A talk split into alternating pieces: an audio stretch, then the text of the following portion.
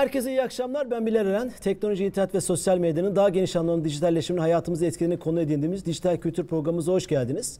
Kemal İlhan'la Bilgiye Yolculuk serimizin 18. bölümünde sizinle beraberiz. Şu an YouTube, Facebook, Periskop'tan canlı yayındayız. Aynı zamanda www.dijitalhayat.tv web sitemizden de canlı olarak izleyebilirsiniz. Normalde biz bu seriyi Kemal İlhan'la Bilgiye Yolculuk serimizi salı günleri yapıyorduk. 17 haftadır. Fakat perşembe günü bugün 18. E, serimizi yapıp final e, demeyi uygun bulduk. Canlı yayında karşınızdayız. E, bugünkü programımızın, final programımızın konusu bilgi toplumu ve adalet olacak. Genel olarak e, bu 17 haftada, bugünle beraber 18 haftada e, teknolojiyi ve bilginin yolculuğunu edinmeye ve konu edinmeye çalıştık. Bununla ilgili e, Aristoteles'ten e, Rönesans reform Avrupa'ya e, ve bugüne uzanan sanayi toplumu ve bilgi toplumu uzanan bir yolculuğa beraber çıktık farklı temel konularda e, ekonomi, politika e, ve genel olarak bilgi toplumu, sanayi toplumu konularını konuşmuş olduk. E, bugün de adalet konusunu konuşacağız. Temel sorumuz şu, bilgi toplumunda adil bir yönetim sistemi olabilir mi?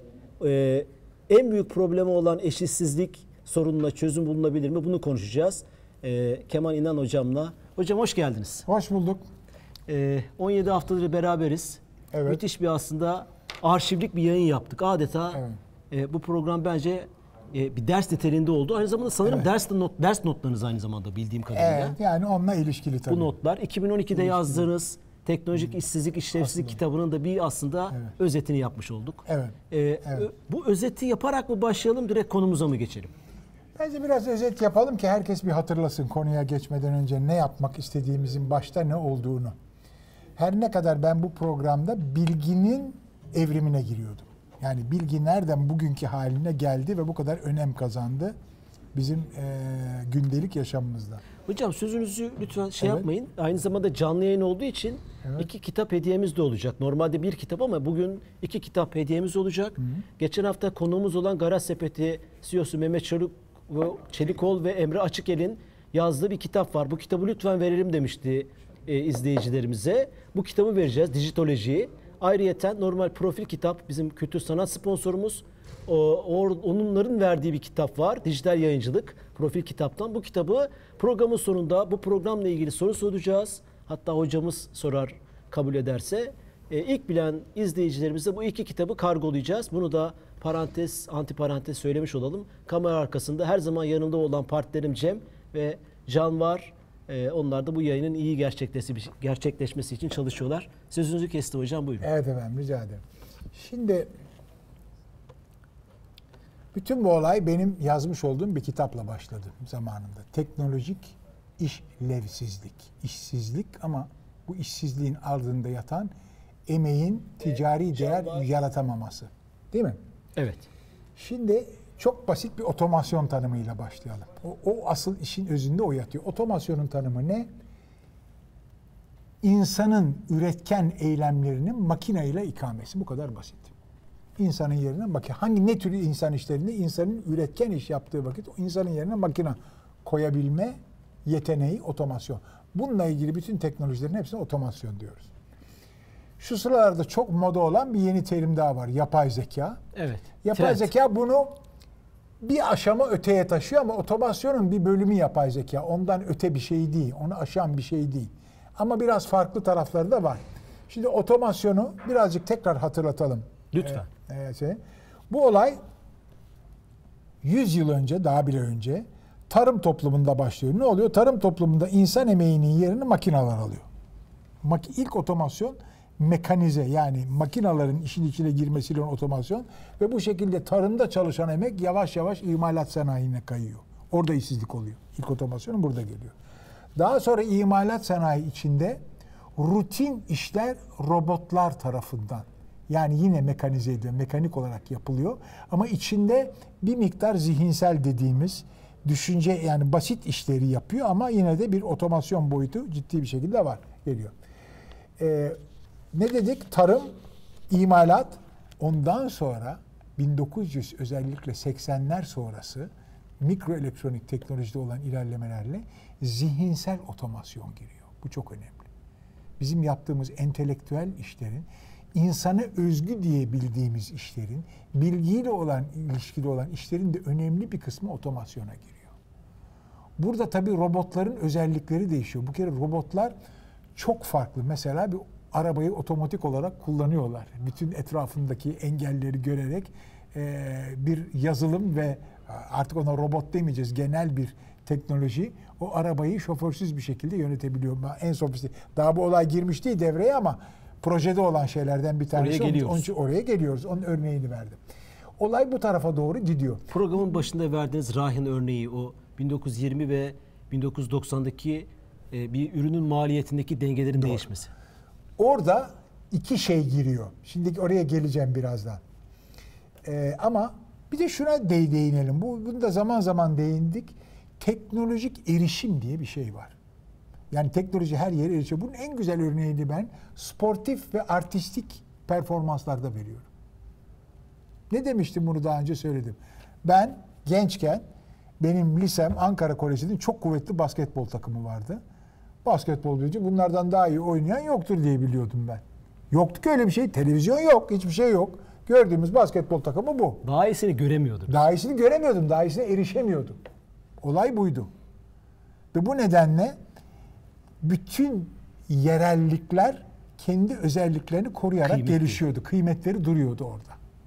Ne zaman ki bu yerellikleri aşan bunların en iyileri basketbolda NBA yahut hani milli takımlar oradan başlayarak gider. Ondan sonra NBA'ye gider. Diğer artistik performanslarda dünyanın en iyi müzik orkestraları, dünyanın en iyi sirkleri, dünyanın hepsi birden medya teknolojileriyle her yer erişebilecek. Bu neyi değiştirdi geldi. Bu şunu değiştirdi. Yereldekiler işsiz. Çünkü niye? En iyisini seyrediyor. Adam alışıyor. Basketbol deyince NBA'ye bir alıştıktan sonra sen mahalle takımını hani arkadaşın varsa seyredersin. Para bastırır mısın? Hayır. Yok. Para oraya bastırmazsın. Çünkü senin artık standartların değişmiştir. Futbol deyince en iyi oynanan. Hani Türkiye'de diyelim ki ligin en iyi takımları o bile İngiliz liginle karşılaştırmadığı için onu seyredersin yahut onu seyredersin. Milli maçları seyredersin. Dünya düzeyindeki her şeyi seyredersin. Spor ve performansa yönelik akımlar her yere erişiyor. Bu teknolojik gelişim bu örnek çok güzel bir örnek. En iyiler hep kaybedecek yani. En iyiler hayır. En iyiler kaybedecek. kazanacak. En iyiler kazanıyor. En iyi olmazsan kaybedeceksin. En- Çünkü mesele şu. En iyiler erişiyor her yere. Ben bunu mahsus spor ve artistik yeteneklerde veriyorum. Sanayide de öyle. En iyisini üretenler eskiden bir şeyi ürettiğin vakit sen onu çok büyük ölçekte üretemiyordun. Niye? Yeterince ham maddeye erişemiyordun. Yahut da o kadar pahalılaşıyordu ki sen onu istenilen fiyatta üretemiyordun. Ama eğer senin ürettiğin maldaki değeri yaratan şey bilgi ise daha çok üretmek için daha çok bilgiye gerek yok. Daha çok ham maddeye gerek var. Dedim. Bilgi ise aynı bilgiyle dünya düzeyinde çok daha fazla büyük sayıda üretim. Ve en iyi üreten, bu bilgiye en hakim olan en iyi üreten, bu telefonu en iyi üreten, ham madde kısmı önemli değil ki. Bütün dünya pazarlarına erişebiliyor. Tek kartel oluyor, hakim oluyor. O zaman oligopolistik dediğimiz bir yapı. Yani monopoli yani bir değil ama az sayıda şirketin dünya düzeyindeki kurulan ağlarla kurulan ortaklıkların bir hakimiyeti oluşuyor. Bütün alanları ele geçiriyorlar. Bu da yerel emeğin devre dışı kalması oluyor. Bütün bu işi yap bu iş bu iş yapıldığı vakit o konuda en yetenekliler, bu konuda en e, fazla yaratıcılığa sahip olan insanlar bu üretimde yer alıyor. Önümüzde duran en büyük problem bu mu? En büyük problem bu. Şimdi ama bakın bu sadece bununla bitmiyor. Sporda verdim bunu. Yani yerel futbolcular yahut neyse bunlarca ama başka şeyler de var. Schumpeter'ın yaratıcı yıkıcılık diye bir şey var. Şimdi bakın ben size başka örnekler vereyim. Bunlar otomasyon değil bakın bu örnekler. Teknolojinin ilerlemesi ama hepsi otomasyon değil. Fotoğraf. Herkes selfie çekiyor. Nedir maliyeti bir fotoğrafın? Şimdi bir fotoğraf ben gidiyorum fotoğraf çektireceğim diyorum ki şeye bir işte gittiğim herhangi bir yere oradaki garsona yazar. Ya bizim bir resmimizi çekebilir misin grup diyorum. Bir tane değil ulan 100 tane çek diyorum. Tak tak tak tak çek. Hiç sıfır maliyet. Eskiden bu böyle mi olurdu ya? Bir tane bile çeksen onun banyosuydu, kartıydı, zartıydı, zurtu. Çok maliyetli bir olaydı. Ne oldu? Bütün o arkasında yatan kimya sanayi hepsi gitti. Kitap. Daha bunu kimse tatmadı. Ben ben böyle benim evimde kitap yok. Benim evime kağıt girmiyor. Benim bütün kitaplarım elektronik olarak indirilmiş Dijitalde. kitaplar. Dijital tabii. Kırtasiye. Benim eskiden çok güzel defterlerim vardı. Şimdi bütün her şeyim, bütün kırtasiyem elektronik sistem üzerinde. Telefonumda ve iPad'imde duruyor. Kitap, kırtasiye, müzik, CD'ler. Ben bütün CD koleksiyonumu hediye ettim. Çünkü benim iPod'umun içinde duruyor. Şey içinde, bilgisayar içinde bütün müziğim duruyor. Bir tek benim hoparlör lazım. Hatta ona bile gerek yok. Kulaklıklarla başka şekilde de dinleyebiliyorum. Buna benzer bütün... Şimdi yakında ekran da gidecek. Havada sen elinde ekrana hop ya- yaratacaksın. Yani bütün bu teknolojiler bizim şimdiye kadar alıştığımız, bildiğimiz bazı yan onu destekleyen sanayilerin hepsini öldürebiliyor. Buna yıkıcılık deniyor. Yıkıcı yaratıcılık Schumpeter adlı çok ünlü bir iktisatçının söylediği bir şeydir. Creative destruction. Yaratıcı yıkıcılık. Yani yıkıyor bir şeyi eski sanayi. yıkıcı teknolojiler diyor. Benzer Yıkıcı şey. teknolojiler deniyor Peki vesaire. hocam araya gireyim bir canlı yayınımızda bize soru sormuşlardı. Bu yeni hal, yeni iş alanları yaratmıyor mu? Şimdi mesele şurada. Bu yeni iş alanları yaratma hikayesi inandırıcı değil. Niye değil? Onu da anlatayım. Ee, yani tabii ki bazı yeni iş alanları var. Tehlike nerede oluyor biliyor musunuz? Şimdi birazdan belki biraz beklerseniz buna başka Tamam, şekilde girmek hocam. istiyorum buna. Şimdi bu otomasyona kimler direniyor? Direnen kesimler ne? Bir kere gerçekten yaratıcılığın tümünü teknolojiye veremezsin. Ben buna inanmıyorum. Hani dünyayı robotlar yönetecek filan diye tezler var. Bunların hepsi bence fasarya. Yani bunu aklı başında bir takım adamlar da söylüyor. Hiçbirine inanmıyorum. İnsan yaratıcılığı hala çok önemli. O insan yaratıcılığı o son noktayı koyuyor. Yapay zekanın filan kontrol yaptığı edecek falan. şey Onları konuşmuştuk, zaten evet. olanın çoğu kez zaten olanın e, makinalara öğretecek yeni tekniklerin oluşturulması. Yani olanın otomasyon.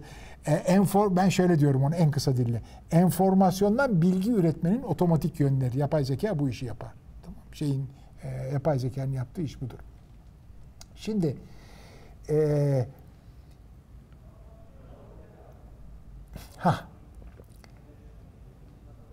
burada önemli olan şu eskisinde olmayan şimdi ne var? Gelecekteki sizin sorduğunuz oydu. Gelecekteki e, alanlar bu işsizliğin önünü açacak mı? Baktığımız vakit şu var bakın. İşsizlik yaratılan alanlar nereler oluyor? Şirketler çok kolay kolay adam atamıyor. Çünkü bu işin tazminatı var, bu işin toplum içinde senin prestijini düşüren yönleri var, nefret edilebilirsin. Kimler atıyor? Sosyal bir yön, bir takım şu- Sosyal bir takım kısıtlar var oradaki o işsizliği önleyen. O kadar kolay kolay e, e, işsizliğe neden olacak politikaları uygulayamıyor şirketler. Ama zaten önemli ölçüde e, ciddi miktarda ücret veren çok uluslu şirketler çok büyük bir rekabet altında oldukları için ve zaten baştan verdikleri ücret yüksek oldukları için birdenbire 15 bin, 20 bin sayıda insanların tak diye işine son verebiliyor. Çünkü çok büyük rekabet Haberleri altında. okuyoruz öyle Haberleri zaman okuyorsunuz. IBM yine 15 bin kişi yattı diyor filan falan. Bir bunlar var. Ama daha önemli bir şey daha var. Yeni kurulan şirketler ne yapıyor? Eskileri devam ettiriyor eski oyunu. Yani çok kolay kolay adam atamıyor. Ama o sırada sen sürekli nüfusun da çoğalıyor. Yeni kurulan şirketler ne kadar yeni istihdam yaratıyor? onun yerini dolduruyor. Sen mu? eğer o yeni kurulan şirketlerde daha az sayıda iş gücüyle bu işi yapıyorsan yaparsın öyle. Ve kimse de seni bundan dolayı eleştiremez. Çünkü kimseyi işten atmış değilsin. Ama baştan az sayıda adam alıyorsun. Ve bunu neyle dolduruyorsun? Teknolojiyle dolduruyorsun. Hastane mi kurdum? Benim radyoloji şeyime 10 kişi alacağıma 2 kişi aldım. Müthiş bir teknolojik destek verdim onlara. İki kişiyle. Hukuk şirketi mi kurdum? Bunun arkasında rapor yazma işi için 10 kişiyi ayrıca tutmadım. Bunları yapay zeka yazılımları kullanarak yapmaya çalıştım. Size en önemli yüksek ücretli yerlerden örnek veriyorum. Buna benzer. Yeni kur bu işi mesela Susan Berger ve bir MIT grubu var. Daha önce bundan bahsetmiştim Aynen. belki hatırlıyorsunuz. Onların kullandığı bir derimi kullanayım. Ee, ekonomik e, recovery yani e, ekonomik büyüme tekrar başladığı vakit e, ekono, İngilizcesini söyleyeyim. Economic recovery without jobs. Yeni işler yaratmadan ekonomiyi büyütmek.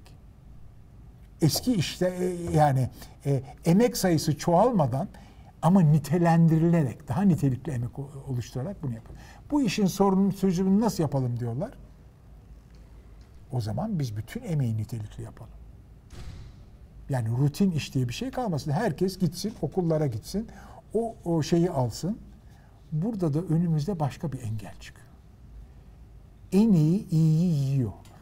Bunu demek Biraz ki önceki basketbol örnek. örneğini verdik performansta. En iyi iyi Vahşi bir yiyor. rekabet Sanayide de veriyor. Oligopolistik şey olduğu için buradaki rekabet o aradaki e, şeyleri bunun en güzel örneğini istiyoruz. Efendim bunu gösterin böyle şey olmaz falan diyenlere çok basit bir şey. söyleyeyim. Amerika'daki üniversite mezunları Amerika'nın en büyük borçlanmış kesimi öğrencilerdir. Ve bunlar bu borçlarını ödeyemiyorlar. Ve tril- trilyon doların üzerinde borcu var Amerikalı Amerika'daki öğrencilerin. Trilyon doların Toplamda. üzerinde 1.2 trilyon böyle bir şey. Müthiş bir borcu var. Ve bu borcu ödeyecek durumda değiller. Çünkü iş bulamıyor çoğu. Hele sosyal bilimde olanlar hiç bulamıyor. Oradan bir taş da Yok. geldi. Ama yani taş geldi ama çare yok. Yani birçok daha önce de konuşmuştuk. Çünkü eskiden sosyal bilimler şöyle bir avantaj. Onlar otomasyona girmiyordu. Yeni yapay zeka teknikleriyle Onlar da oradaki girmeye işlerin de önemli bir kısmı hepsi demiyorum. Hiçbir zaman yaratıcılığın önünü tıkayacak bir şey yok burada. Ama yaratıcılığın Bütün insanlıktan değişiyor. yaratıcılık bekleyemeyiz. O ha, problemim. bütün mesele burada. Hatta azınlık bile demiyor. Peki hocam bu hani bir geçiş dönemleri var ya herkesin üstünde mutabık kaldı. Avcı toplayıcı dönem, tarım toplumu, sanayi toplumu ve bilgi toplumu. Bu geçişlerde bu dediğiniz sorunlar atıyorum tarım toplumundan sanayi toplumuna ulan sanayi toplumuna girdik. Emek rutinleşiyor, niteliksizleşiyor. Bu tartışmalar yapıldı ve işsizlik oluştu ve patladı. Nasıl sonra onu toparladı insanlık veya toparlayamadı mı? Oradaki şey iyi Topar, okuma topar. şansınız oldu Şimdi mu? burada en- Anladınız en güzel verdiğim istediğimi? örnek tabii benim şeydeki yazım e, Birikim dergisinde çıkan söyleşimde söylüyorum. Luddite isyanı diye bir şey var Luddite, evet. biliyorsunuz meşhur bir şey. Programımızda İngiltere'de- konu ettik onu. Tabii yaptık onu. Ee, 1800'lerin başında e, o sıradaki ustalar, İlk isyan artizanlar, tabii artizanlar kıyameti koparıyor.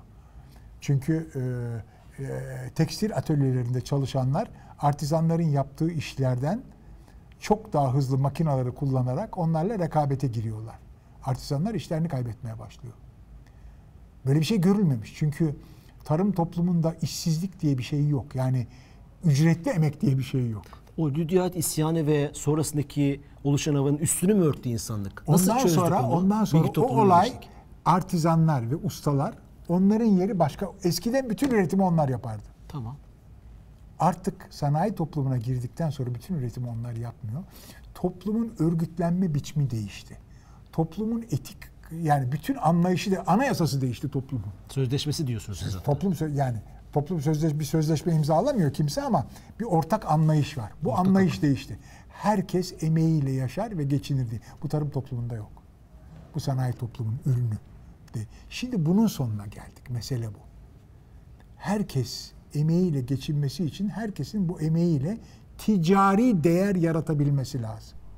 Yani benim yaptığım işin ya kolektif olarak belli bir grubun yaptığı işi başkaları para vererek satın alması lazım ki o insanların bir geçimi olsun. Bu olay gitgide sorgulanmaya başladı. Zor. Çok az sayıda insan bütün insanlığın ihtiyacını üretecek kadar değer yaratabiliyor. Çok az sayıda demeyeyim. Yine o da büyük sayı olabilir ama yaratıcılarında ama önemli bir kısım bu oyunun dışında kalabiliyor. Ve bu artık yapısal. Hani geçici bir olay olarak değil. Gözüken o. Ve kadar gözüken programın o. sonlarına doğru da sanırım 14 veya 15. bölümde de işte İngiltere'deki Brexit'i. Trump'ın seçilmesini, sarı yelekler olayını hep buna bağlıyız. Hep bu. Göçmen krizi Korku. vesaire. işsiz kalacağız orta sınıf adam söylüyorum. Mesela bu korku Hindistan'da ya daha belki daha görece yoksul ülkelerde yok. Çünkü hala büyük aile yapısı var. Atomik aile değil vesaire. Herkes Öbür tarafta bakıyor? hayır tabii destekliyor. 20 kişilik halde 3 kişi çalışıyor, idare ediyor. Anlatabildim mi ne demek istediğimi? O, o, o tür bir hala kırsal bölgeden gelmeyle şehirlilik arasındaki değişim. Ama şimdi Dayanışma devam ediyor. dayanışma devam ediyor. Ama şimdi geldiğim vakit Batı toplumu niye bunalım? Sıfır Batı dayanışma. Ya Batı toplumlarında böyle bir dayanışma yok. Atom, Ama atomik devlet aile. sosyal bir devlet. Hani Orta devlet sınıf. destekliyor. Arayı E, tabii adam arabasını almış, evini almış, e, ipotek ettirmiş neyse. Ondan sonra çoluk çocuk e, evlenmiş. Ondan sonra pat işsiz. Felaket bir şey adam için. Hiç başka bir yerden bir destek yok. Bunun korkusu yeter. Bırak bunun gerçekliğini. Bunu görüyor. Başkalarının da bunun olduğunu görüyor. Kendine de olabileceğini düşünüyor. İlk yaptığı işlerden bir tanesi bu çok önemlidir. Tüketimini kısıyor yarın öbür gün için. Kıstığı anda ekonomi çökmeye başlıyor. O başka yerlere de Tabii değiyor. birden. O o, o, o korku Trump'ı da seçtiriyor, Brexit'i de yaptırıyor. Irkçılık artıyor. Ee, ırkçılık artıyor, faşist partiler yerden bitiyor, ekonomileri kapama e, şeyi Duvarlar giriyor. örülüyor. O çok tehlikeli şey. Ekonomiyi kapayarak bunu çözemezsin çünkü. Ve bunun karşısında da küreselleşme var. Bunun küreselleşmeyle ilgisi olan bir olay değil. Küreselleşme tabii küreselleşmeyle bu geliyor. Göz baktığın vakit bu olay küresel. Çünkü niye? Şirketler gidiyor kendi ülkesi yerine başka yerde daha ucuz emeğe, daha olumlu koşullar altında aynı şeyi üretebiliyor kendi ülkesinde üreteceğini. Polonyalı fırıncının yaptığı ekmekle Alman fırıncının yaptığı ekmek aynı. Niye biri daha ucuz olsun? Niye biri daha ucuz? Yani şimdi söz gelimi söylüyorum. İki ülke birbirine yakın oldu.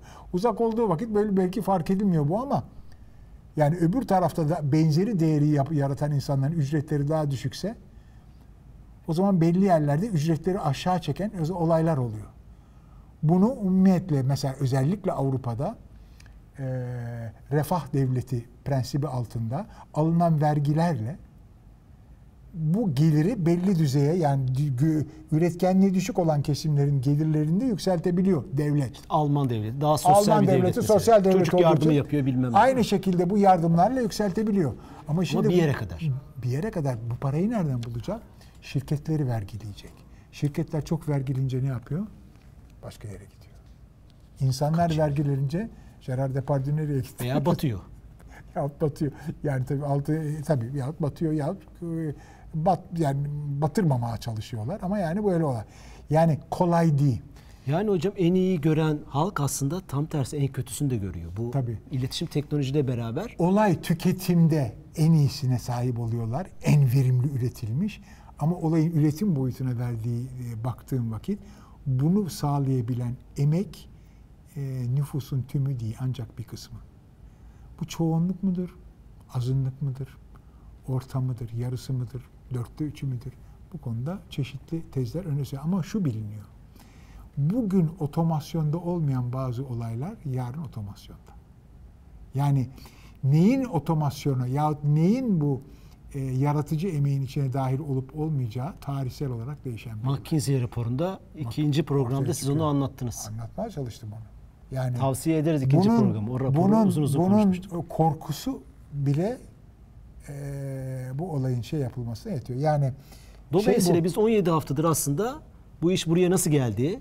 aynen e, bunu teknoloji nasıl patladı, bilgi nedir ona- Ha, ama şimdi bilgi nedir'e geldiğimiz vakit bir başka şey, bir başka konuya daha girdim ben bu programda. Bilgi, şuna girdim ben. Ya 15. yüzyıldan sonra bir bakıyorsun patlama var. Görülmemiş bir şey. Daha niye olmadı eski Yunan'da bu? Niye Orta Çağ'da böyle patlama olmadı? Nedir 15. yüzyılın, 16. yüzyılın şeyi, e, özelliği? Niye patladı? Çünkü Buluşlar. baktığım vakit tabii bütün bilimsel buluşların patladığı bir zaman var ve ondan sonra bir de yer var. Yer neresi? Avrupa. Zaman neresi? 17. 18. 19. yüzyıl. Buralarda böyle Son 300 patlıyor. sene. Son 300 sene. Müthiş bir patlama oldu. Niye? Ben bu soruyla çok ilgilendim. Bu soru çok önemli. Keşke Çünkü keşke patlamasaydı. yani mi? Öyle şey. Bu çünkü bu sanayi toplumunu doğuran bu. Buradaki ben biliyorsun hep karşı çıkıyorum. Kapitalizm, sosyalizm ayrılığı meseleyi saptırıyor. Mesele bu değil. Mesele sanayi toplumunun kendisi. Sanayi toplumunun kendisi bu bilgi patlamasının, bilgi birikimindeki olan patlamanın bir sonucu olarak İzimler ortaya saçmalık çıkıyor. diyorsunuz bir anlamda. Nasıl? İzimler saçmalık. Bu hayır böyle genel laflar söylemekten hep ben kaçınırım. Onun için izimler saçmalık diye bir şey. Her izmin arkasında bir mantık olabilir. Tamam buna buna saygım var. Bu ayrı bir mesele. Ama şöyle diyelim benim oradaki görüşüm şöyle. Sanayi toplumu içinde iki birazdan geleceğim ona adalet kavramına geldiğimiz vakit. İki ayrı yaklaşım görüyoruz. Bir tanesi eşitliğe ve kardeşliğe önem veren yaklaşım. İkincisi de yaratıcılığa ve özgürlüğe öncelik veren yaklaşım. Bu iki kavram, Fransız devriminin üç kavramı. Özgürlük, yaratıcılık, kardeşlik. Egalite, liberté, fraternite. Tamam bunlar Fransız devriminin üç kavram. Burada iki tanesini ben beraber görüyorum. Kardeşlik ve eşitlik. Çok birbirine akraba iki şeydir. Özgürlük farklı bir şey. Çünkü özgürlük aynı zamanda yaratıcılığın da temelinde yatan olay. Şimdi bunlar arasında bir çelişki var. Bunu nerede anlattım? Çelişki var. Tabii çok büyük çelişki var. Çünkü özgürlük tarihinde ilk defa olarak sadece insanlar için arzu edilen bir e, yaşam biçimi olmaktan öte bir özellik kazandı. Nedir bu özellik? Bu özellik şudur. Üretimde yaratıcılık için bu özgürlük bir koşul olmaya başladı. Yani üretimin içine girdi özgürlük ve yaratıcılık. Seni ben özgür bırakırsam senin yaratıcılığın başkalarını aşabiliyor. Ben seni enge e, eğer ben eşitliği zorlayacaksam seni engellerim. Dur fazla yaratıcı olma çünkü öbür adam ekmeksiz kalıyor diyebilirim. Sovyetler Birliği böyle çöktü. Sovyetler Birliği'nin çöküşü böyledir. Öbür tarafta ise yaratıcılara sen yaratıcı mısın? Ben sana koşullarını daha da iyi hale getirdim. Amerika Birleşik Devletleri'nden bahsediyorum tamam Kapitalist toplum.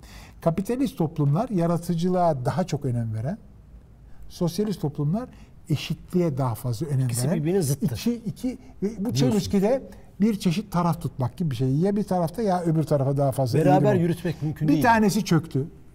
Hayır yani mümkün olabilir ama ben bilmiyorum çözümünün ne olduğunu. Bunların ikisi. Çünkü bir tanesi Sovyetler Birliği nasıl çöktü? Eşitlik meselesini o eşitliği sağlayacak komiserlerle sağladılar. Mediocracy dediğimiz bu ortalamalar ortaya çıktığı vakit batıda olan çok büyük teknolojik devrimlere ayak uyduramadı Sovyetler Birliği. Çünkü onun için çok daha özgür ve yaratıcı bir ortam gerekiyordu. O ortamı Bu ne demek hocam? Ben iyi mühendisim daha iyi para almam. İyi bilim adamıyım iyi para almam lazım. İyi hukukçuyum. Almıyorsan başka yere gidiyor alıyor. De- Bunu demek istiyorsunuz Tabii değil mi? demek istiyorum. kastınız mı? Eğer tabii eşitlikten. Eğer ben daha iyiysem ne yapıyoruz? Kardeşim şapkasını alıyor Kaliforniya'ya gidiyor. Mesela. Beyin göçü. Tabii. Beyin göçü oluyor tabii. Başka yere gidiyor. Bugün de var bu. Türkiye'de de var Şeyin kısmı. e, tabii Florida'nın kitabı ne diyor? The Flight of the Cray, yaratıcı sınıfın firarı diyor buna. Öyle kitabın adı bu.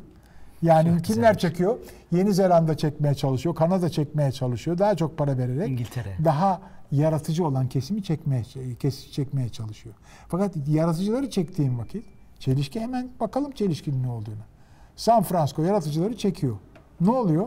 Buradaki sanayide çalışanlar çok daha büyük değer yarattıkları için daha çok para kazanıyorlar. Kardan pay alıyorlar. Ve ne oluyor? Oradaki ev kiraları fırlıyor. Aynı düzeyde yaratıcı olmayanlar Oradaki yerel adam orada yaşayamıyor artık. Bu kiraları veremiyor.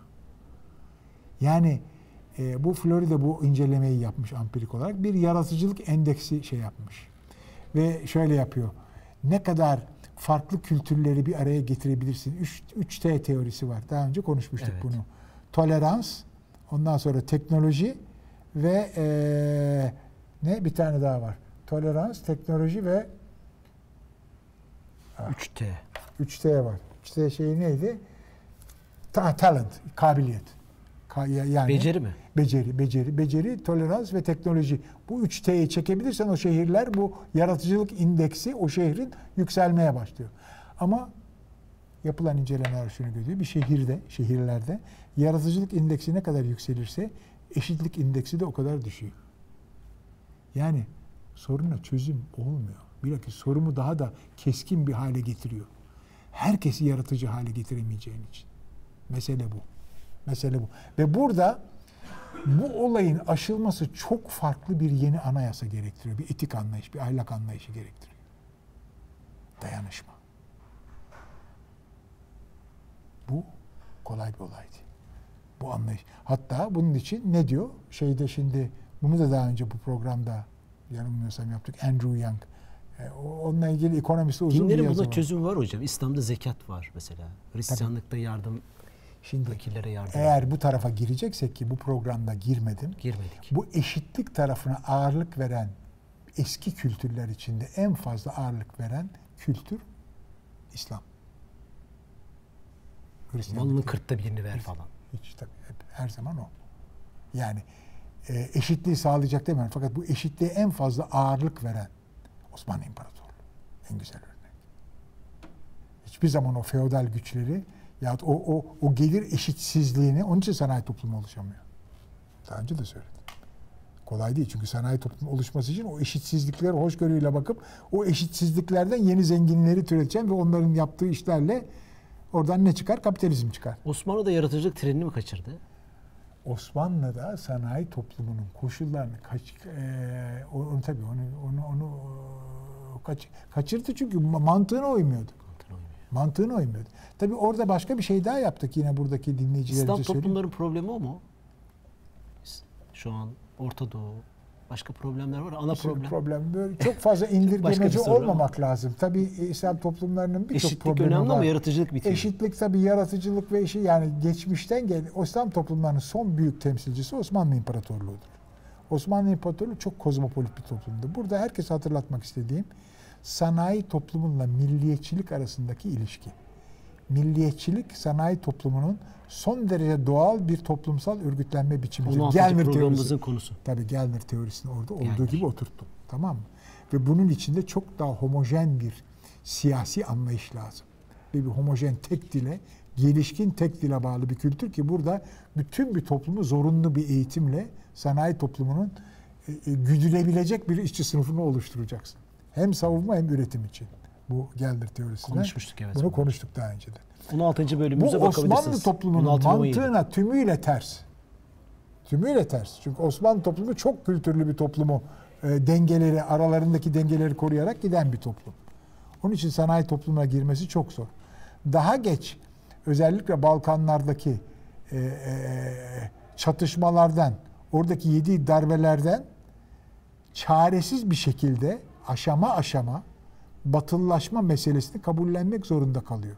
Genç Osmanlılarla başlayıp milliyetçiliği yoksa uydurmak zorunda. Orta Asya filan geliyor. Tamam mı? Mecburi. Çünkü bak aksi takdirde diğer milliyetçilikler seni yiyecek.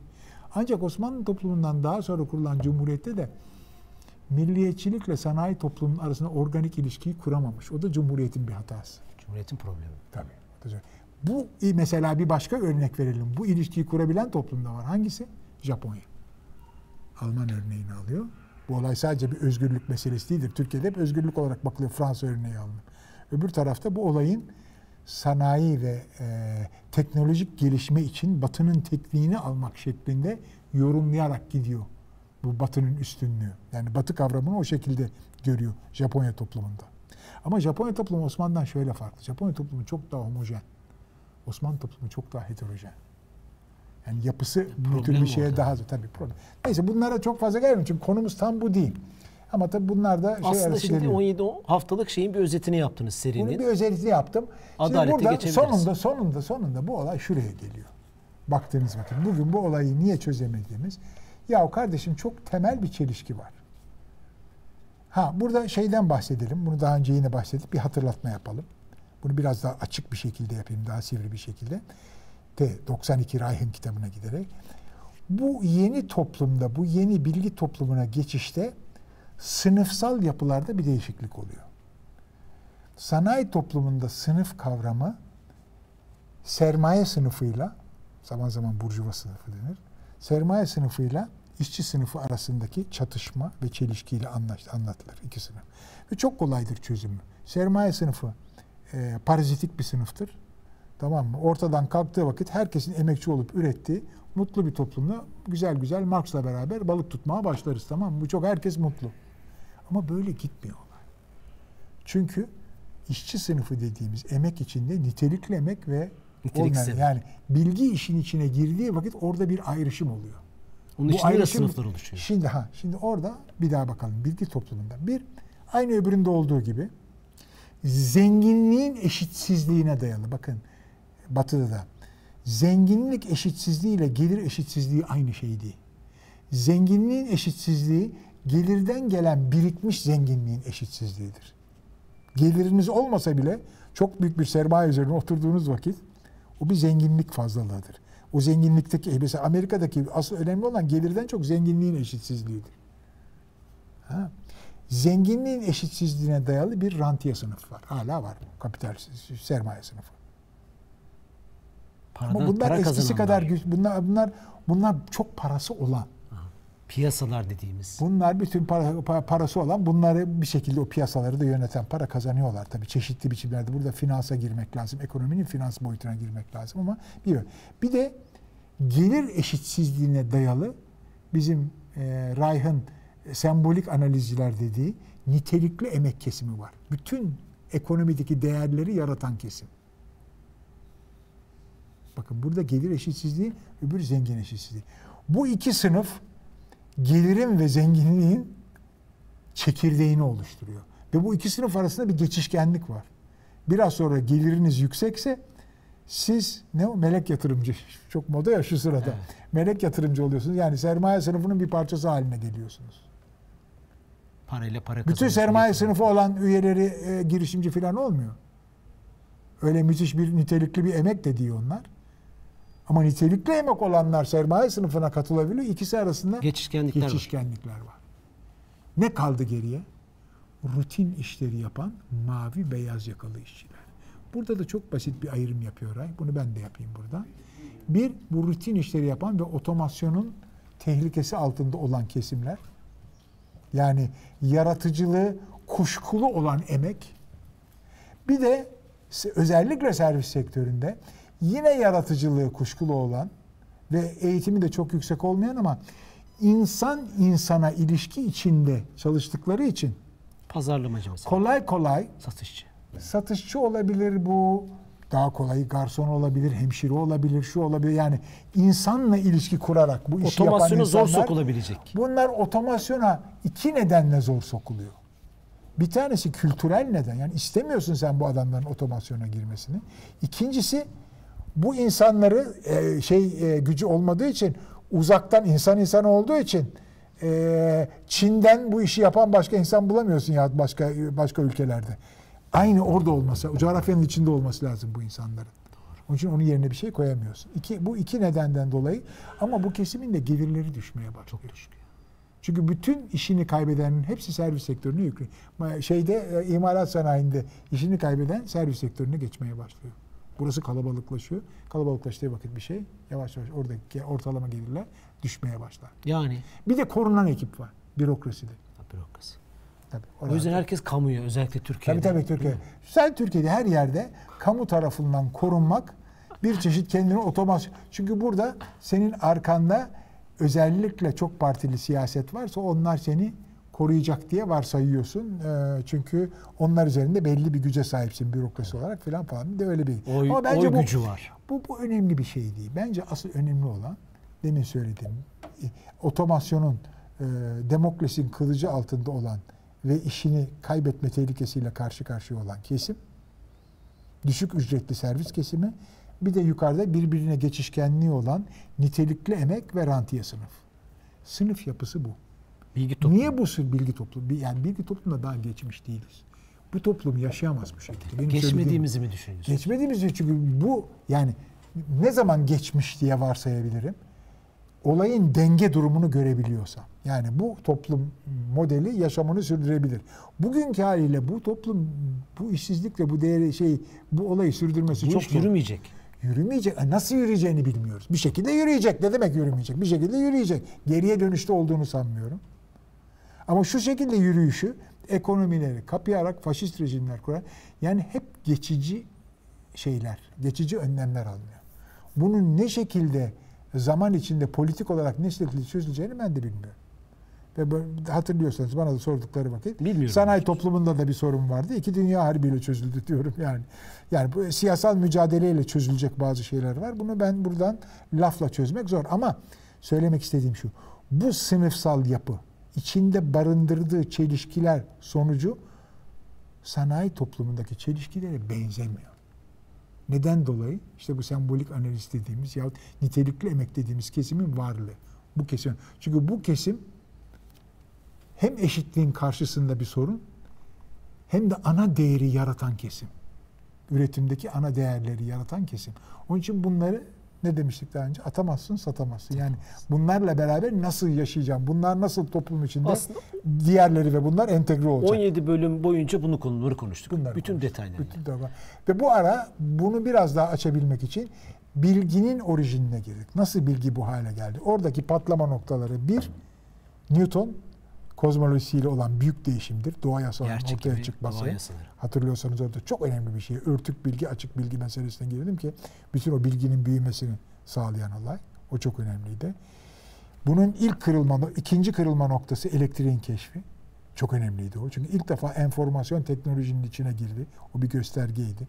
Otomasyonun ilk göstergeleri orada geldi.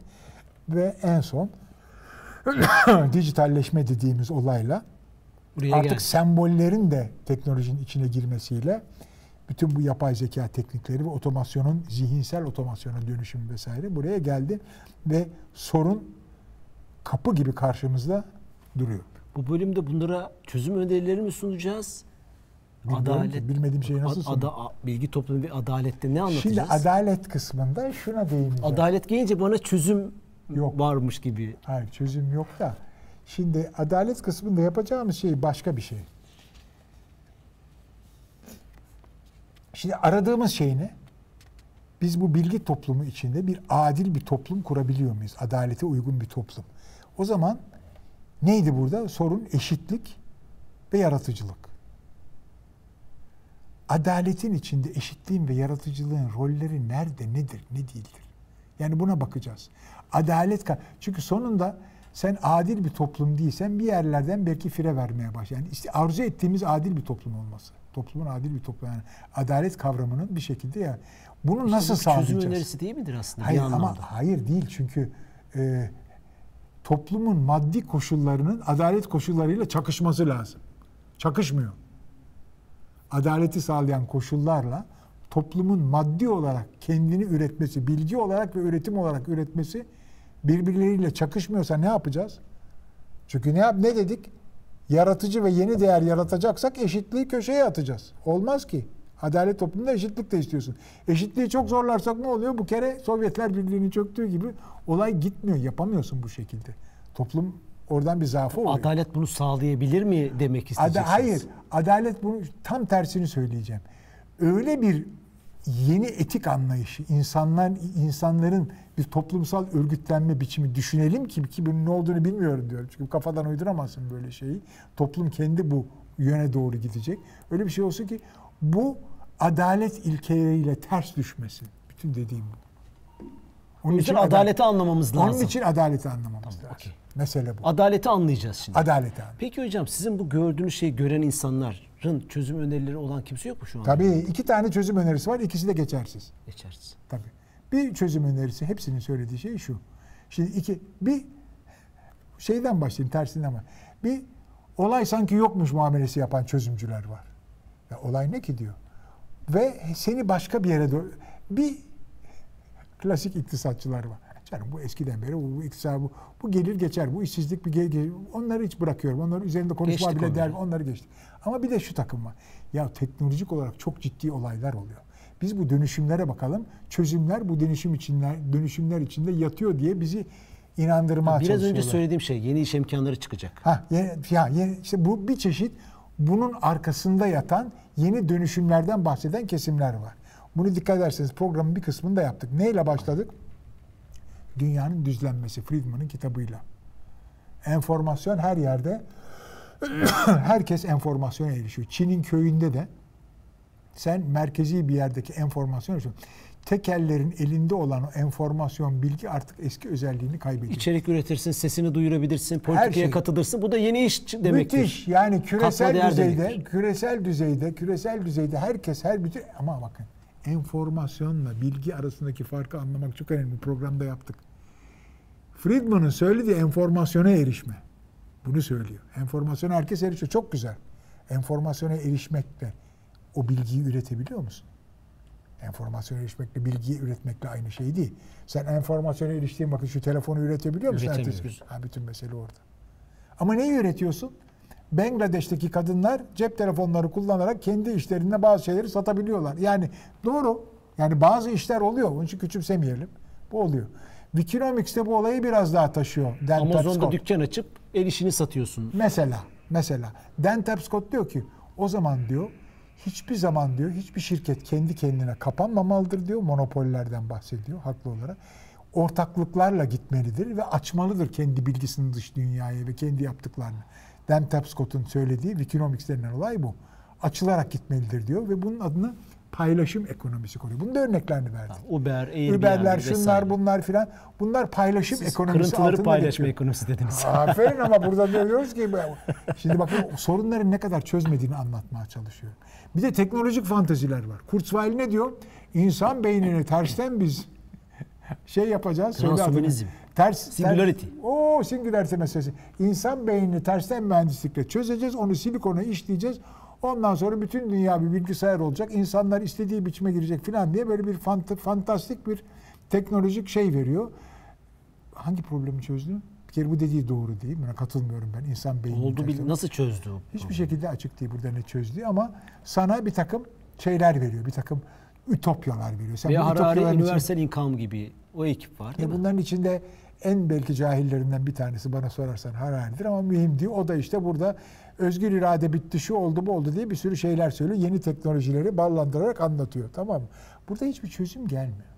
Görüşünüze hiç yakın bir şey yok mu? Görmediniz Hayır, mi? benim görüşüm ben ben çözüm getirmedim ki bir görüşüme yakın bir şey olsun ama problemin ne olduğunu çok iyi biliyorum. Hiçbir şekilde bu burada mesela ne dedim? Ee, Bunlar demin söylediğim iki örnekte e, Wikinomics'te ondan sonra e, e, Dünyayı Düzleyen Friedman'ın kitabı vesaire oradaki fikirlerde hepsi küresel bir anlayışın yerelde uygulanması. Yani sen yerelsen sen küresel bir piyasaya üret, başkalarıyla ortaklık yap vesaire. Yani küreselden yerele dönüş. Yani yereli küresel koşullara göre yap demek.